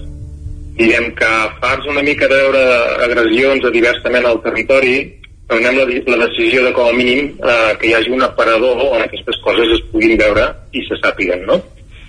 Uh -huh. uh, dic que de denúncia no, no, no ens referim a unes denúncies de formal, sinó que més aviat és, és una informació crítica com estan les coses, que a vegades es pensen que estan bé i, i, i, i, de, i de vegades no, no, no, no és d'aquesta manera, no? I intentem donar els arguments necessaris quan, quan és necessari. Val. Uh, bé, mm -hmm. perdó. Endavant. Més endavant ens constituïm com a, com a entitat sense ànim de lucre, perquè, perquè part de la denúncia, sobretot el que vol el grup, és posar en valor el patrimoni, com has dit al principi, posar en valor el patrimoni natural del Moianès, és a dir, donar-lo a conèixer a la gent, a les administracions, perquè siguin conscients d'aquest valor, perquè el Moianès en realitat té un gran valor eh, d'interès natural. Perquè el que passa és que moltes vegades el, el, no es coneix, i això també en part afavoreix una part d'aquestes agressions que, que parlàvem abans i per tant fan falta entitats que facin, que facin aquesta funció diguem de transparència no? de, la, de la informació Uh -huh. uh, en, uh, concretament uh, amb aquesta difusió que feu uh, a xarxes hem, hem vist per exemple que aquesta setmana recentment uh, ens parlava una mica de, del bosc de, de, de les fagedes aquí al, al Moianès Uh, ens pots explicar què tenen de particular a, a, a aquest tipus de, de bosc, de, de fageda que aquí al Moianès, que el diferencia d'altres zones on, on hi ha aquesta presència d'aquest arbre? Bé, el, el, que, el que té d'especial és que les fagedes eh, són boscos, diguem, poc esperables en una àrea com el Moianès. Mm. perquè més o menys la gent sap que de fagedes en tenim en, el, en els territoris més humits de, de Catalunya, per exemple, com poden ser àrees del Pirineu, del Prepirineu, de la serralada transversal i arriben fins al Montseny, on encara són relativament freqüents. Però fora d'aquí, eh, cap al sud de Catalunya, són raríssimes. De fet, a més enllà del Montseny, si anem cap al sud, en trobem, trobem aquestes taquetes d'aquí del, del Moianès, i a l'extrem sud de Catalunya hi ha una altra clapa, que és el Port de Besait, que és el límit eh, meridional, diguem, absolut no? d'aquests boscos.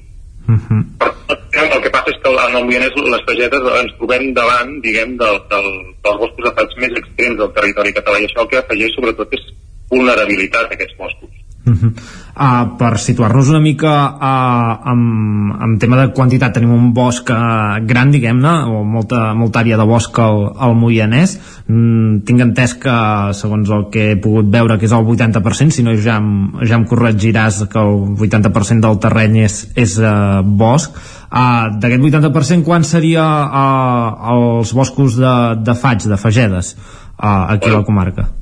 Mm, um, um, calculat respecte a la superfície total de bosc no, no, no ho sabem exactament, però ha de ser molt petit, però sí que tenim una aproximació de lo que representen les talleres a la superfície total de la comarca. Uh -huh. Això és un, un, no arriba a un 0,2%, és un 0,7, un 0,17. O sigui... Uh, ens, podem fer, eh, ens podem fer la idea doncs, de, de lo locals, lo petites que arriben a ser aquestes, aquestes falledes, i, és així perquè en trobem només unes petites taques associades a algunes obagues de la, de la part més oriental de la comarca. Uh -huh. um, la més coneguda potser és la Saua Negra, que més o menys uh, la, gent, bueno, la, gent, la gent que li agrada caminar la, la deu conèixer i és aficionada a la natura, però encara en tenim un parell més de taques que també són, són de gran interès i que, uh -huh. i que s'hauria de tenir en compte a l'hora de protegir el patrimoni natural de la comarca. Uh, a, quina, a quins, o sigui, quins municipis, perquè la gent que no és de la comarca que ens escolta, quins municipis trobaríem a, a aquestes, a, a aquestes fagedes aquí al Moianès? Um, les, les fagedes ocupen sobretot a la banda oriental i, uh -huh. i sobretot trepitgen um, superfície dels municipis de Mollà, de Collsospina, de Castellcí, Sant Quirze de Safaria.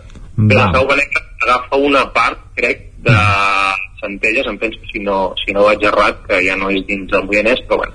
Que seria aquesta zona uh, de Catalunya central, a tocar de, de la comarca, que, que seria a nivells naturals, no entenc de les fronteres administratives, diguem-ne, i, que, sí. i que també està aquí a, a tocar. Um, sí sobre a, a, a nivell de regulació a, hi ha alguna mena de, de regulació per protegir aquestes fagedes donades la seva pe peculiaritat a nivell administratiu ja sigui local a, a nivell de a, català o estatal o, o no està contemplada cap regulació? A veure, les, les fagedes aquestes um, que són sobre un substrat calcari, és dir, són, és un hàbitat que defineix així, diguem, Eh, des d'Europa són considerades un, un hàbitat d'interès comunitari. És a dir, els hàbitats d'interès comunitari són una selecció que es fa des de la, des de la Unió Europea d'hàbitats que destaquen per la seva, ja sigui per la seva singularitat, per la seva raresa o perquè estan amenaçats. Uh. -huh. Això fa que a Europa hi hagi una certa exigència en els estats membres perquè es faci una protecció efectiva d'aquests hàbitats. Ara bé, aquesta protecció, efectiva, aquesta protecció es porta a terme sobretot en una xarxa d'espais naturals que s'anomena xarxa Natura 2000, en la qual hi ha inclosos la majoria d'espais naturals protegits de Catalunya, però justament les fagedes del Moianès, una part de les fagedes del Moianès no hi són incloses.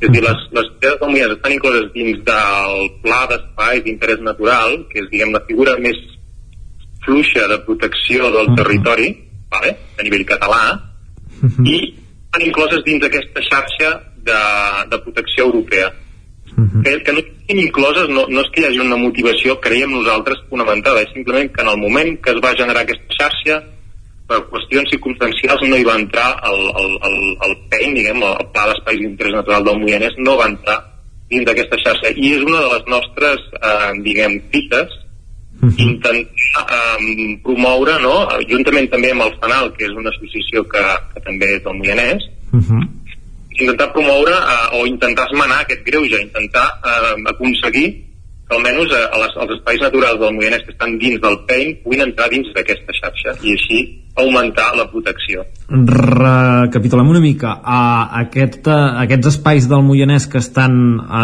a, en aquest grau mínim de protecció que ens comentaves, administrativament no estan inclosos en el, en el grau de protecció europeu que ens comentaves abans, si ho he entès bé? Sí, sí, és dir, en el Moianès passa alguna que no passa en la majoria dels espais d'interès natural de Catalunya, que és que no formen part de la xarxa Natura 2000. No. La, la gran majoria d'espais, de, de, siguin de, de poca protecció, de molta protecció, dir, des de peins fins a parcs naturals, parcs nacionals, formen part d'aquesta xarxa Natura 2000, com és de lògica. Però alguns espais naturals no, i justament tenim la mala sort que el, el, el, el Moianès no hi entra i, i és una cosa que hem d'aconseguir canviar perquè, perquè hi ha, diguem, hi ha raons eh, objectives, creiem que hi ha raons objectives entre elles les fagedes i moltes, molts altres eh, hàbitats i espècies interessants que han pogut ficar la, la seva entrada sense, sense problema. Uh, per entrar en aquesta xarxa Natura 2000, uh, de qui depèn això? Depèn dels ajuntaments, Consell Comarcal, nivell Generalitat, uh, o sigui, qui té la decisió, com s'ha de fer per aconseguir-ho? Jo crec que és, eh, bueno, sobretot és un nivell de l'administració, diguem, de Generalitat, però també tenen a veure els, els, els, els, els, els ajuntaments també han de dir la seva. No, no ho sé exactament, exactament, però jo crec que funciona per aquí. Hi ha d'haver un, hi ha diguem, hi ha d'haver un acord no? uh, de diferents actors, no només d'un. Don, doncs ens informarem a veure com, com funciona aquesta regulació. Et volia preguntar, a, a nivell ambiental, aquestes fagedes de les que parlàvem avui, uh, que la, la seva conservació, què ens aporta de positiu poder tenir i conservar aquestes fagedes a nivell ambiental? Bé, la, les fagedes um, del Moianès no, no només són boscos de faig i prou, és dir, no només parlem del faig, sinó que tenen una flora i una fauna associada que pot ser força exclusiva d'aquests boscos, és a dir, que, no, que moltes vegades no la trobem d'altres indrets. Uh -huh. Tota aquesta biodiversitat depèn d'unes condicions, eh, unes condicions força concretes, ja que les fagedes són boscos de, de forma natural molt ombrívols. Per tant, tota aquesta, aquests animals, aquestes plantes que hi viuen, no?, en depenen d'aquestes condicions especials. Això també, clar, eh, quan hi ha tallades, quan hi ha entrades de maquinària, et entres en el seu interior, eh, no només afecten els tallos, sinó que afecten tot el conjunt. Són, són sistemes complexes. No ens, no ens podem mirar un bosc mai només com, com, com els arbres, no? que de vegades, de vegades fins i tot passa. ah, clar, ens aporten una riquesa uh, de, de fauna, de flora, que altres eh, arbres eh, no, no conviuen amb aquestes espècies, en, per entendre's. Sí. Sí, sí, hi ha, hi ha, hi ha, hi ha espècies que són exclusives, que a nivell del Moianès només les trobem, eh, només les trobem dins les talleres o pràcticament. Ah, Arnau, uh, biòleg, uh, membre de Conservem uh, el Moianès, moltes gràcies per explicar-nos la situació uh, de les fagedes a, a la comarca del Moianès i per atendre'ns avui aquí al Territori Sostenible. Molt bé, moltes gràcies a vosaltres i gràcies per fer una difusió també.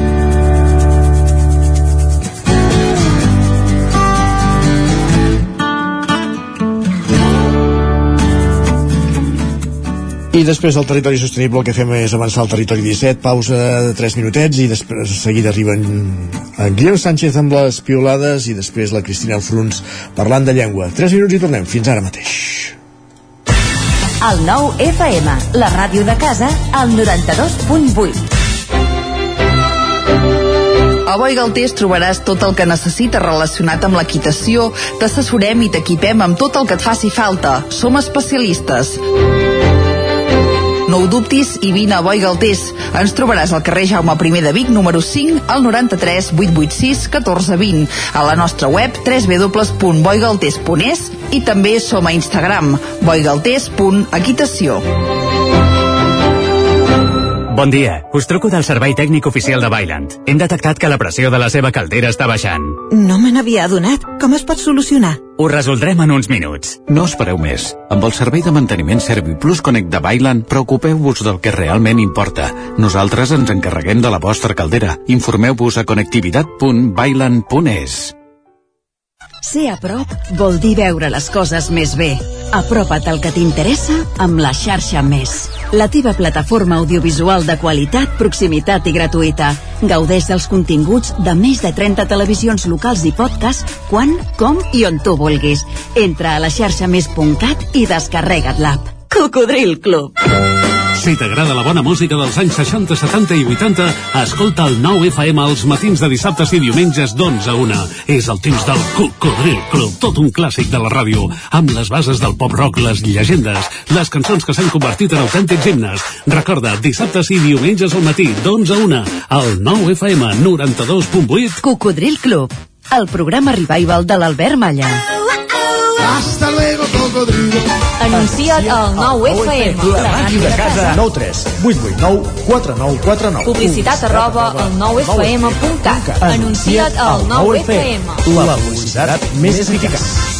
Bon dia, són les 9 al Territori 17. La Miquel Parella. Cada matí i durant dues hores t'acompanyem i et posem al dia de l'actualitat de casa nostra. Potenciant així l'autonomia En aquest cas me la peça el taler si no... Cursos per feminitzar el pensament masculí. Territori 17, el magazín matinal d'Osona, el Moianès, el Ripollès i el Vallès Oriental. Que la meva àvia de 93 el anys... 9 FM, el 9 TV, el 99.cat i també els nostres canals de Twitch i YouTube. demà per fer-se un tatuatge. Cada matí, Territori 17. Ole. Ser a prop vol dir veure les coses més bé. Apropa't al que t'interessa amb la xarxa Més. La teva plataforma audiovisual de qualitat, proximitat i gratuïta. Gaudeix dels continguts de més de 30 televisions locals i podcast quan, com i on tu vulguis. Entra a la xarxa més.cat i descarrega't l'app. El 9 FM, la ràdio de casa, al 92.8.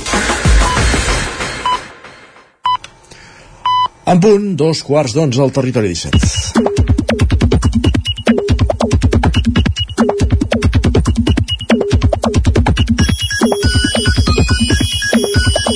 En punt, doncs, l'hora de saludar en Guillem Sánchez, que ja ens acompanya als estudis del 9FM. Guillem, bon dia. Bon dia, què tal?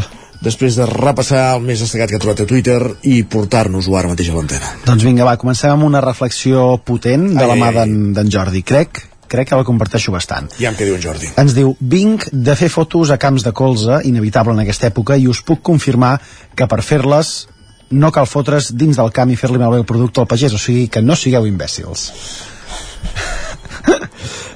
Quanta raó que té. Mira que és fàcil, eh? Sí, sí. Però, La vida és molt fàcil, des de fora es poden fer també mira que hi ha bones. burros al món, eh? Mira, I, i bona aportació que fa també la Susana en aquest sentit, que diu i lo bé que m'ho passo quan hi trobo gent i des del voral els dic jo sortiria d'aquí i em revisaria les paparres, sobretot dins dels pantalons, i surten cagant llets.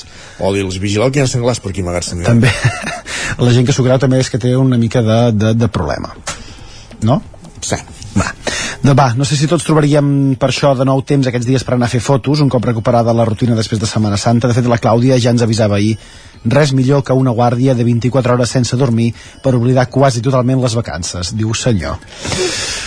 Ja la planyem, pobra Clàudia. Sí, hi ha feines que ho tenen això, hi ha feines que ho tenen. I el que ens diu la Paula sí que és un bon problema. Diu, el meu nou company de feina és un pesau, tu, i no hi ha qui l'aguanti. Ja està. Home, és que és important a la feina trobar-se bé amb la, Això, amb la gent, no? En tot cas, que ho faci arribar a recursos humans. ves, ves que no tingui un segon problema si ho fa arribar a recursos humans i que no vingui per alguna altra banda, no sé si m'explico Sí. Va, i de persones curioses també ens en parla el segon usuari que ens diu sempre hi ha aquella persona de Barcelona que està convençuda que podria anar-se'n al camp a ser pagesa d'un dia per l'altre com si res, diu, normalment és la mateixa que et fa saber que ha pujat a la pica d'estats. També. També. De gent, sí, curiosa i que es fa notar n'hi ha a tot arreu. Correcte. Va, i ara un gran dilema, tot i que tenim anunciat, em sembla, un canvi de temps, no?, els següents dies, o que si més no que baixin temperatures, pot ser, Isaac? Uh, sí, demà fins i tot ha de ploure alguna cosa. Sí. Mare de Déu, mare mira, de Déu. de fet, ara, ah, estic veient un tuit del Meteocat que dius el Servei Meteorològic de Catalunya ha actualitzat els avisos de situació meteorològica de perill, De per vent i estat de la mar. O... Sort que no tenim mar aquí, Exacte, a, perquè aquí el a les burri, el comarques burri, de... no veig un tsunami aquí al burri, eh? Però, Doncs va, tot i que tenim anunciat aquest canvi de temps, eh, hi ha gent que ja mira una mica més enllà. Per exemple, la Jana que ens escriu s'apropa l'estiu i cada any el mateix dilema, com vestir bé quan has de portar pantalons curts? No sé quina mania té la gent amb que els pantalons curts no queden bé. Fi, hi ha gent que té moltes manies. Jo, de fet, els torno... I, i hi ha altres que en tenim massa poques, potser. Jo, de fet, els torno a portar avui, després d'un parèntesi de dues setmanes de no haver-ne portat. Com i... has, i, I com ho has viscut, això? No, home, s'ha d'anar ja directament a, amb, amb, amb visió maig, juny, juliol. Molt bé. Aquí, directament, pantalons curts. I de contradiccions, per això està fet el món, llegim aquest usuari que ens escriu també, la xavalada ja s'atreveix a marxar a les 8 del matí cap a l'institut amb pantalons curts, però ara a la nit reclamen la bossa d'aigua calenta al llit. Home, també t'he de dir que si hi ha algun nano que reclama una bossa d'aigua calenta al llit, eh, potser aquest nano no té 12 anys o 15 o 16, sinó que en té 65, Ah. perquè una bossa d'aigua calenta al llit, em sembla que no deuen saber ni què, ni què és aquesta xavalada Sí, de però eh, l'institut. eh, aquest ja la busquen elèctrica, no pateixis. Correcte, correcte. I va, i molt a favor d'aquesta combinació que ens recorda la Núria, ens diu comença a arribar la temporada de pantalons curts i de suadora que és el que pot dir la, ara la, mateix. la dosadora ja te la trobaràs, per això ja, no? És que depèn, de, depèn del lloc i depèn del moment del dia, també, eh? Sí? Perquè si passa una mica de vent, tampoc es posa malament. Tampoc es posa malament. I la gent també ja té dubtes sobre què fer a l'hora d'anar a dormir. Per exemple, aquest usuari que ens diu comença a fer temps de dormir amb pantalons curts, però encara amb el nòrdic. Ai, senyor. Doncs també es pot treure... que és la vida, eh? Doncs també es pot treure el nòrdic i seguir amb pantalons llargs, També, no? també. També, aquí. Va, i la Carla crec que se sorprèn d'això, ens diu màximes de 20 i, i mínimes de 6 amb pluja i mig institut amb pantalons curts. Que ens digui a quin lloc és aquest de, amb pluja, perquè potser també té una, té una connexió Té una una, notícia, sí, sí. o, una, o una entrevista.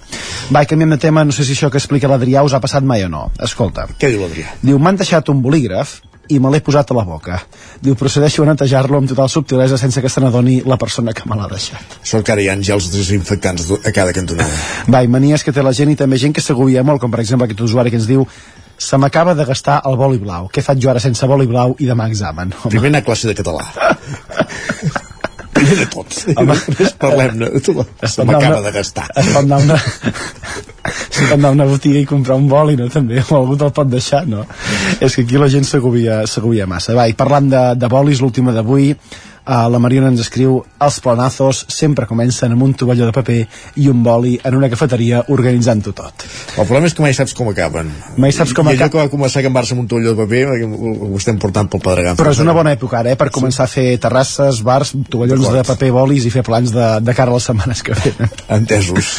Va, que vagi Gràcies, Isaac. Guillem. Adéu. Bon dia. Avancem al territori 17 i tot seguit parlem de llengua i ja ens espera la Cristina Enfruns. Territori 17, el 9 FM, la veu de Sant Joan, Ona Codinenca, Ràdio Cardedeu, Territori 17. Com deien, ara que són dos quarts i mig d'onze del matí, és moment de parlar de llengua al territori 17. Me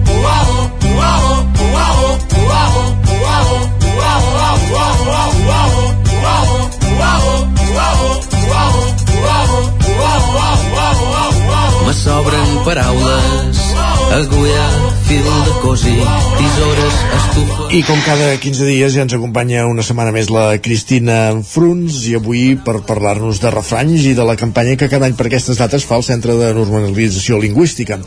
Cristina Fruns, benvinguda, bon dia. Hola, bon dia. Parlem de refranys avui, doncs. Uh, va, avui farem una mica un tema comarcal, Molt bé. mm, però bé, uh, parlem d'aquesta campanya de, que fa el Centre de Normalització Lingüística, cada any la fa, el Sí. Centre de Normalització, uh, que es diu, a l'abril cada paraula val per mil. Uh -huh. Uh, I aquest any la campanya servirà per reivindicar la importància de les frases fetes, i, i més en concret, de les frases fetes uh, construïdes amb el, amb el verb fer. A veure. És un concurs. A més a més és un concurs, eh? O sigui, hi ha, tot, eh, es, si vosaltres us hi fixeu, veureu als aparadors eh, de la comarca uns cartells on hi ha aquestes frases fetes, però a més a més aquest concurs que ja va començar l'11 d'abril i finalitza el 30 un concurs que hi ha premi a més a més, eh, també Carai, després ho repassarem també. Uh, per exemple, podem trobar uh, una frase feta que diu fer venir salivera i llavors hi tenim tres opcions. Hi ha, si, si significa glopejar, tastar-ho tot o estimular la gana. I llavors nosaltres haurem d'endevinar quina és la correcta. O bé una altra, per exemple, fer pinya. Haurem d'endevinar si és fer punteria, anar tots junts o xocar. Aquests serien, per exemple, Me, me un parell de, Me la guarda, eh, si me la sé, si la sé me la guardo, eh? Per ara, no, jo no els diré pas, eh? Entesos. No els diré pas perquè, per no donar avantatge als que escoltin això.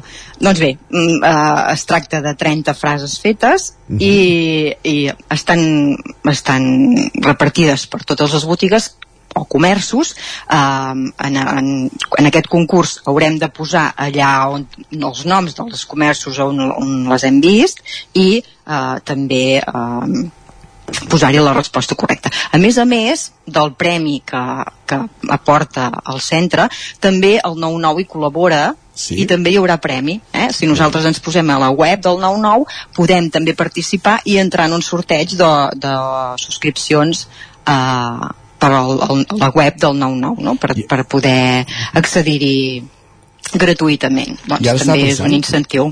No, no hi ha una versió també a xarxes socials? És que em sona, però ara ho estic dient així a la bola, eh?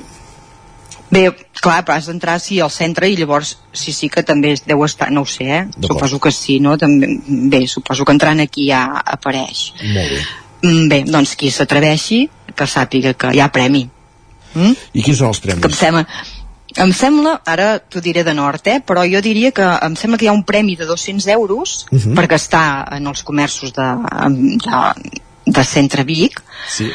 uh, i alguna altra, alguna altra cosa, eh? però el principal és aquest de 200 euros. Jo em sembla que n'hi ha algun de més petitó per, als, per, la resta, per, per fer un sorteig entre tots la resta dels participants que també són vals que, que serveixen per anar a gastar en els comerços. Ho apuntaves Em molt bé, eh? que era- El que havia vist a les xarxes socials és a través del 99.cat de, de, del Twitter del 99 que et porta cap a l'edició digital del, del concurs. Doncs bé, ja sabeu què podeu fer. D'acord? D'acord. Uh, I a, a més a més, bé, ja ho sabeu que a mi m'agraden les frases fetes Oh, i i evidentment som al mes d'abril, el mes de la Cada gota val primavera. per mil, i aquest any per, per, Exacte. per bastant més. Que, doncs perquè vegeu, eh, veureu que, que representa que és el mes de les pluges abundant i per tant tots els refranys parlen d'aquest mes d'abril i fan referència a la pluja, la variabilitat del temps, les temperatures, no sé si ens serviran aquests. El més conegut, evidentment, és aquest a l'abril, cada gota en val mil, Sí. que indica que, que aquest mes els sembrats estan a punt de ser collits i, i cada, ai, cada gota d'aigua és benvinguda, no? La pluja és molt necessària en aquest mes, mm, però bé, no ho sé si, si veu serà exacte, o bé també hi ha aquest l'abril aigües mil Sí. una mica diferent de l'anterior que deia que l'aigua del mes d'abril és profitosa però en aquest cas es refereix a les pluges habituals d'aquest mes que solen ser abundants, diu eh? i per això diu que ja, i per això hi ha la paraula mil però també n'hi ha una que diu a l'abril totes les aigües caben en un barril que aquesta potser sí que seria més encertada I un barril petit, petit, petit, en aquest un cas. barril ben petitó, ben petitó. I una que no fa referència a la pluja, però que potser sí que aquesta la podem agafar com a referent que diu eh, abril, abrilet, al migdia calor i a la nit fred. Aquesta sí que potser una mica és, és veritat, no? No, Sí. sí. no els nostres temps. Això Les va- altres de l'aigua Aquesta, aquesta última va lligada amb allò que ens deia en Guillem Sánchez d'anar amb pantalons curts i suadera. De fet, ja, Exacte, ja, ja, però va per després al, al vespre no sé com sortirà en Guillem d'aquí, eh? Dormir al- amb nòrdic, deien. Doncs això és tot. Molt bé, i posem una mica de música també, no, doncs? Va, doncs va, vinga. Avui vull ser qui vull ser. Avui vull fer el que vull fer. Tot el que jo haig de qui hauria, ho podria fer un altre dia. Avui vull ser qui vull ser. Avui vull fer el que vull fer. A la merda tot ho engegaria. I és que aquesta nit ens mereixia. Que tenen els ulls de la gent quan et miren. Que no té sense tu ni de nit ni de dia. Tant postureo, tant jugar amb l'ego, de transformar-te, ja saps fer-ho. Quan ets real, m'agrades tant, que ni m'ho espero. Avui vull ser qui vull ser, avui vull fer el que vull fer. Tot el que jo haig de qui hauria, ho podria fer un altre dia. Avui vull ser qui vull ser, Postureo Real és eh, aquesta cançó, aquesta nova entrega d'aquest de redisc d'en Guillem Roma, que de fet és la cançó que dona títol al disc i que avui passa pel sedàs lingüístic de la Cristina. Doncs sí, no és pas que sigui exagerat el que hi ha, eh? però sí que em volia eh, fixar amb aquest postureo, eh? suposo que ja ho veieu. Aba abans d'això, sí. res, dir quatre cosetes. Eh? El típic que sempre, sempre surt les cançons és aquest, avui vull fer el que vull, tot el que jo faig, eh? ja, aquest, ja ens el sabem, eh? per tant aquest, rela- aquest relatiu ha de ser àton, Uh -huh. uh, avui vull fer el que vull fer, tot el que jo haig de fer, etc etc. Aquí uh, és una constant, eh? Per tant, Sí, sí, aquí, surt cada setmana aquesta. eh, surt cada setmana gairebé. També hi ha una cosa de l'èxit que diu un pavo real, evidentment en català els pavos reals són paons, Correcte. És aquell, del, Diferent? És, és aquell que aconsegueixes quan acabes el parològic. ah, doncs bé, mm, mm, però pensem que l'hem de distingir del gall d'indi, eh? Una cosa és el paó Sí. i l'altra el gall d'indi o l'indiot o el pioc, que és, és una miqueta diferent, eh? Mhm. Però bé, pavo real, el, el, evidentment. el paó és el de, el de la... Ai, ja no aquelles de el les, plomes, de, blau. el de les plomes que s'estenen exacte, exacte, sí. exacte. doncs bé, mm, aquesta cosa i això que us deia del postureo evidentment mm, és una paraula castellana que ara ja, per exemple, el Termcat ens eh, surt, eh, ens posa com a eh, solució catalana postureig, és Sí. vocabulari de les xarxes socials, que és l'actitud de mostrar un comportament o uns gustos determinats, generalment en les xarxes socials. Per tant, ells ja introdueixen aquesta, aquesta paraula postureig. Però a vegades hi ha els més radicals, eh, com per exemple un, un, un asidu a, a, a les xarxes, que és el Rovira i Visili, sí. un, un lingüista, que diu deia al principi, quan va començar a sortir la paraula, que deia és normal que no us soni bé postureig. Una castellanada com una casa de pagès. En català tenim lluïment, tot és façana, bufa, estofera, i per posturear tenim fer cimbells, fer el mec o vendre fum. Ara bé, o sigui, ell és un radical en aquest aspecte, eh? Sí. sapiguem que els, els diccionaris més eh, generals ja aposten pel postureig, tot i que el normatiu, que seria el del dia, aquest sí que encara no ens introdueix la paraula, eh? Per tant, però bé, jo crec que ja està força usada, sí. el que si no, no, no haurem de fer servir és el postureo, i per tant ens tirarem cap al postureig. Postureig seria aquesta traducció d'aquesta cançó d'en Guillem Roma, Posterior Real, que hem escoltat avui de fons mentre acabàvem de completar aquesta secció de llengua, que ha començat parlant dels refranys del mes d'abril i d'aquest concurs del Centre de Normalització Lingüística d'Osona. Gràcies, Cristina, una setmana més. A vosaltres, adeu-siau. Fins la propera. Avancem al territori 17, encara sona de fons la cançó d'en Guillem Roma, tot seguit el que farem serà parlar de llibres i anirem fins a Ràdio i Televisió Cardedeu, on ens esperen pel grau una setmana més. és el que de tu admiren tant postureo tant jugar amb l'ego trencant la norma jo no et supero avui vull ser qui vull ser avui vull ser qui vull ser Territori, Territori 17. 17. Territori 17.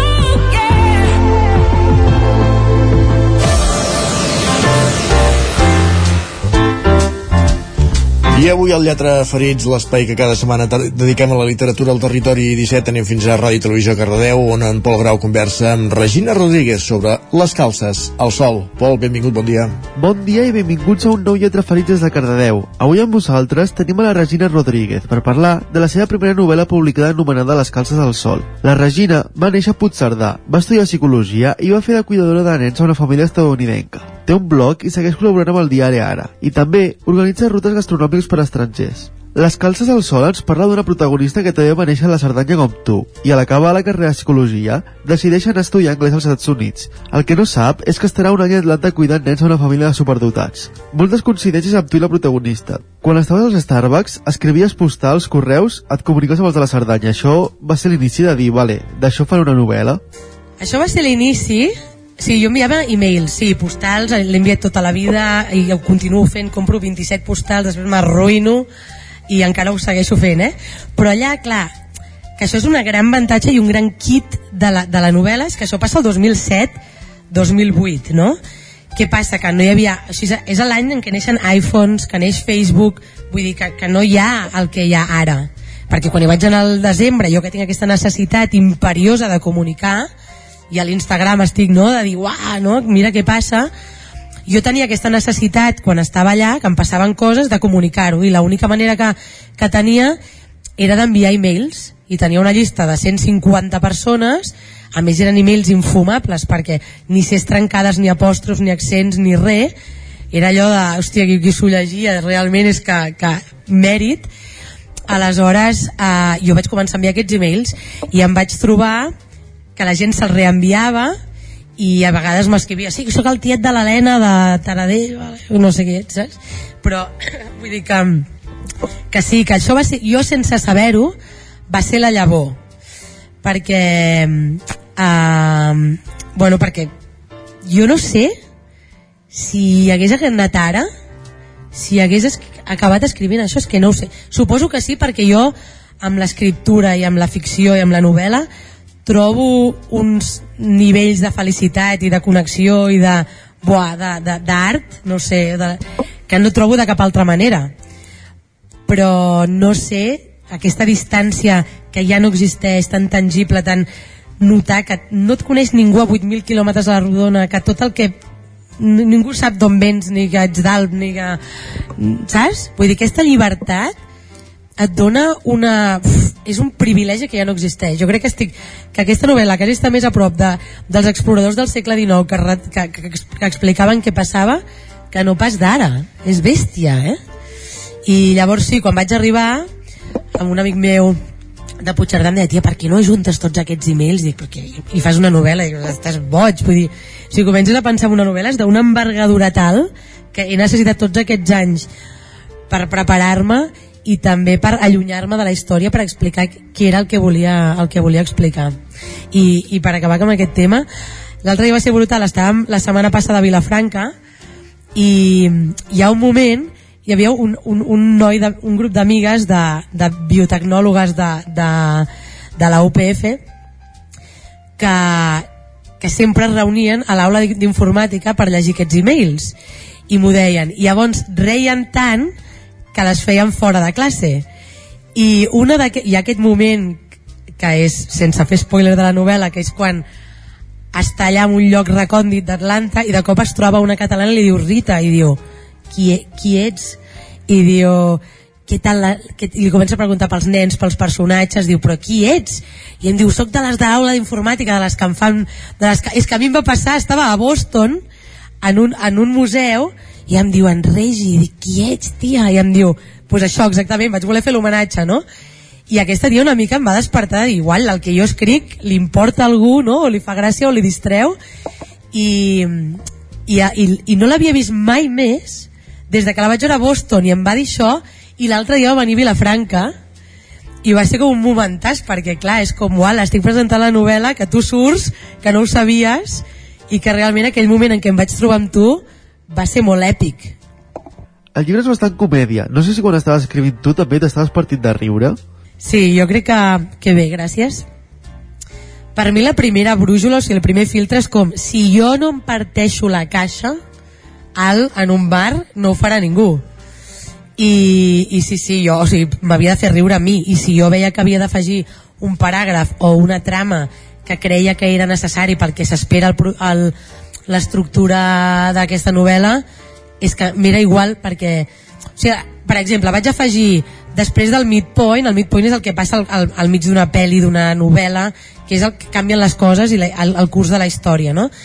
i segons l'estructura clàssica diu que després has d'afegir un capítol una mica de on tu has de mm, repensar per tot el que passa la, la protagonista i tal, i el vaig afegir ja com un bolet perquè és el que s'esperava però no el sentia i no em feia gràcia i quan el vaig entregar a l'editorial és l'únic que em van dir què, què cony és això, saps? que és fet aquí perquè no té cap mena de sentit i que és que és veritat l'he afegit perquè s'havia d'afegir però ni a mi ni, no m'estimava això saps? No, no havia rigut ni m'havia fet plorar aleshores sí, el, el primer filtre és que jo ho he de sentir a muerte i si no, no hi va La família amb la que vas estar, saben que vas fer un llibre d'això? ho saben, ho saben uh, estan estan així una mica diuen, bueno, ja ens el llegirem però estan una mica cagats. El que passa que jo els he dit que he protegit, o sigui, l'essència és aquesta, i els nens, sobretot els nens els he fet bastant reals. El que passa que clar, és una novel·la jo vaig estar dos anys allà, no pots explicar-ho tot. Eh, tu has de fer per regir-te a, a la literatura i a la novel·la has de crear una trama i no és literal, vull dir, estat allà 800 dies amb aquesta gent, no? Uh, per tant, eh, ho he fet he, he, creat certa ficció perquè això funcioni. Uh, però el, el veïnat està estan revolucionadíssims. Vull dir, quasi que posen un, un carrer amb el meu nom, t'ho juro. Vaig anar al desembre, hi ha dos capítols traduïts a l'anglès, els vam llegir en veu alta bueno, tots allà, uah, que fort tal, aquest és aquest, aquest no sé què um, o sigui, sí ho saben però he protegit coses de la seva intim- intimitat que no, que no calia expressar però però lo bèstia ho he posat la Barbie també, home, la Barbie, sí. La Samantha és tal qual. És que allà saps què passa? Que hi ha unes cases que són castells que com que tenen tant terreny i tants diners i, i no les fan de pedra que les fan de cartró eh, és, que, és que això és un menjador amb una làmpara aquí penjant i uns sofàs i la sala de cine i és com és que és una cosa. Atlanta és molt bèstia. A més jo estava en un veïnat doncs de classe mitja alta um, on, bueno, professors d'universitat, etc i altra gent més rica però era, era molt al·lucinant. I també el contrast d'Atlanta. Atlanta és una ciutat que encara està segregada. És on va néixer el Martin Luther King. És al sud, hi ha racisme. Hi ha barris de blancs i de negres i, hòstia, és, és, és interessant és, és bastant apassionant de veure antropològicament com ara encara el 2023, anava a dir 18 imagina't, 23 encara existeix així i, i és dur i, i és trist i també la, les religions que hi ha tant, tantes religions que podem fer un menú d'esglésies de, d'esglésies, bueno, Quan parles dels personatges hi ha molta psicologia en ells. No sé si va relacionat amb la carrera que vas estudiar o no. Jo crec que sí, que a mi em va apassionar, o sigui, jo vaig fer psicologia, vaig trobar que era una carrera absolutament apassionant, el que passa quan vaig començar a exercir, que jo volia fer estudis de mercat, a mi que em diguessin pues, jo fer entrevistes de si el Fairy canviava molt la vida d'algú, si era verd o vermell pues no m'interessava. Aleshores després d'un any vaig dir no vull fer això. Però sí que és cert que a mi em, vaig especialitzar molt també en psicologia dels sentits dels, de l'olfacte i, i és que no, ho vaig escollir per cosa, perquè jo és que em surt així i escric molt amb els cinc sentits i crec que sí, que em va ajudar molt i també em va ajudar molt que jo sóc una super mega apassionada del cinema he begut molt cinema, he fet un màster de guió uh, de cine i... el què? i que, i que crec que escric, escric molt audiovisual i per això crec que la gent veu molt el que passa i, i, i s'hi posa molt. Ahir estava escri- es- escoltant una entrevista superguai del Xavier a Pagès que deia que, la litera, que les novel·les estem molt més a prop de les, del cine que no, per exemple, de la poesia, perquè és que tu com a novel·lista perdó, tu has de fer d'editor, de guionista, de, de, de, de, has de fer la escenografia, la foto, estàs tu sola, no? i estàs aquí muntant, no tens un editor al final que t'ho munta com tens al cine, vull dir, tu has de fer aquí una envergadura brutal, en canvi la poesia és veritat que et parla molt més de sentiments, de personatges, però això és jo això ho he escrit perquè se'n vagi al cine ho he dit des del principi, la gent se'n riu però jo estaré aquí RQR o sèrie, eh? vull dir, pot ser les dues coses Per Nadal vas posar que va ser la novel·la més venuda per l'editorial? Ah, ui, espera, eh? que Això s'està gravant. O sigui, vaig ser la catalana més venuda per Nadal. Sí, sí, no, jolín, jo, jo flipava. I, I catalana i català. O sigui, en la llista dels més venuts de, de llibres en català per Nadal hi havia la trena i llavors hi era jo. I, i que la, sí que la nove- a l'editorial el que em van dir és que una primera novel·la uh, mai havia arribat amb, aquests, amb aquestes xifres de venda que s'està venent igual que les primeres espases catalanes i sobretot abans de Sant Jordi perquè clar, no, no? Vull dir, ara et i per exemple, ahir vaig veure que ara que surten tots a les- a l'estrellato català encara estic allà a la llista dels 10 més venuts de Catalunya i això és com inaudit a Penguin em deia que no, que, que no els havia passat sí que els ha passat amb altres llavors jo estic aquí vivint un somni total perquè jo sempre he cregut molt en aquesta història l'he escrit amb tot el que tinc, amb tot el meu estómac amb tot qui sóc i, i m'he pogut he pogut dedicar-hi anys i pf, vamos, he estat aquí però sense cap mena de pressa anys i panys i ara el deixo un any i el recupero. Però mm, jo m'havia això que hi creia molt, però he imaginat fins al moment que arribava la presentació no tota aquesta voràgina que ha vingut després. No m'ho hagués imaginat mai Doncs moltes gràcies, Regina, per ser aquí al Territori 17 i felicitats per aquesta primera novel·la que ja va per la setena edició i bona fins on arriba. I gràcies per escoltar un dia més aquest Lletra Ferits i ens veiem a la propera. Adeu. Gràcies a tu, Pol, i amb el Lletra Frits acabem el Territori 17 d'avui, dimecres, 12 d'abril de 2023.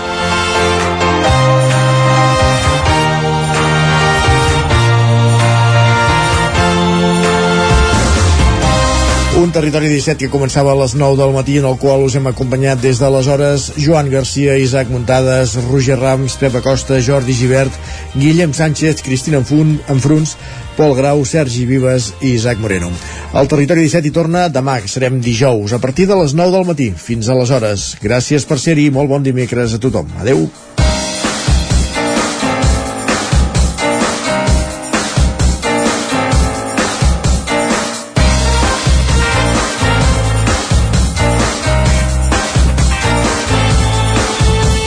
Territori 17, un magazín del nou FM. La veu de Sant Joan, Ona Codinenca i Ràdio Cardedeu amb el suport de la xarxa.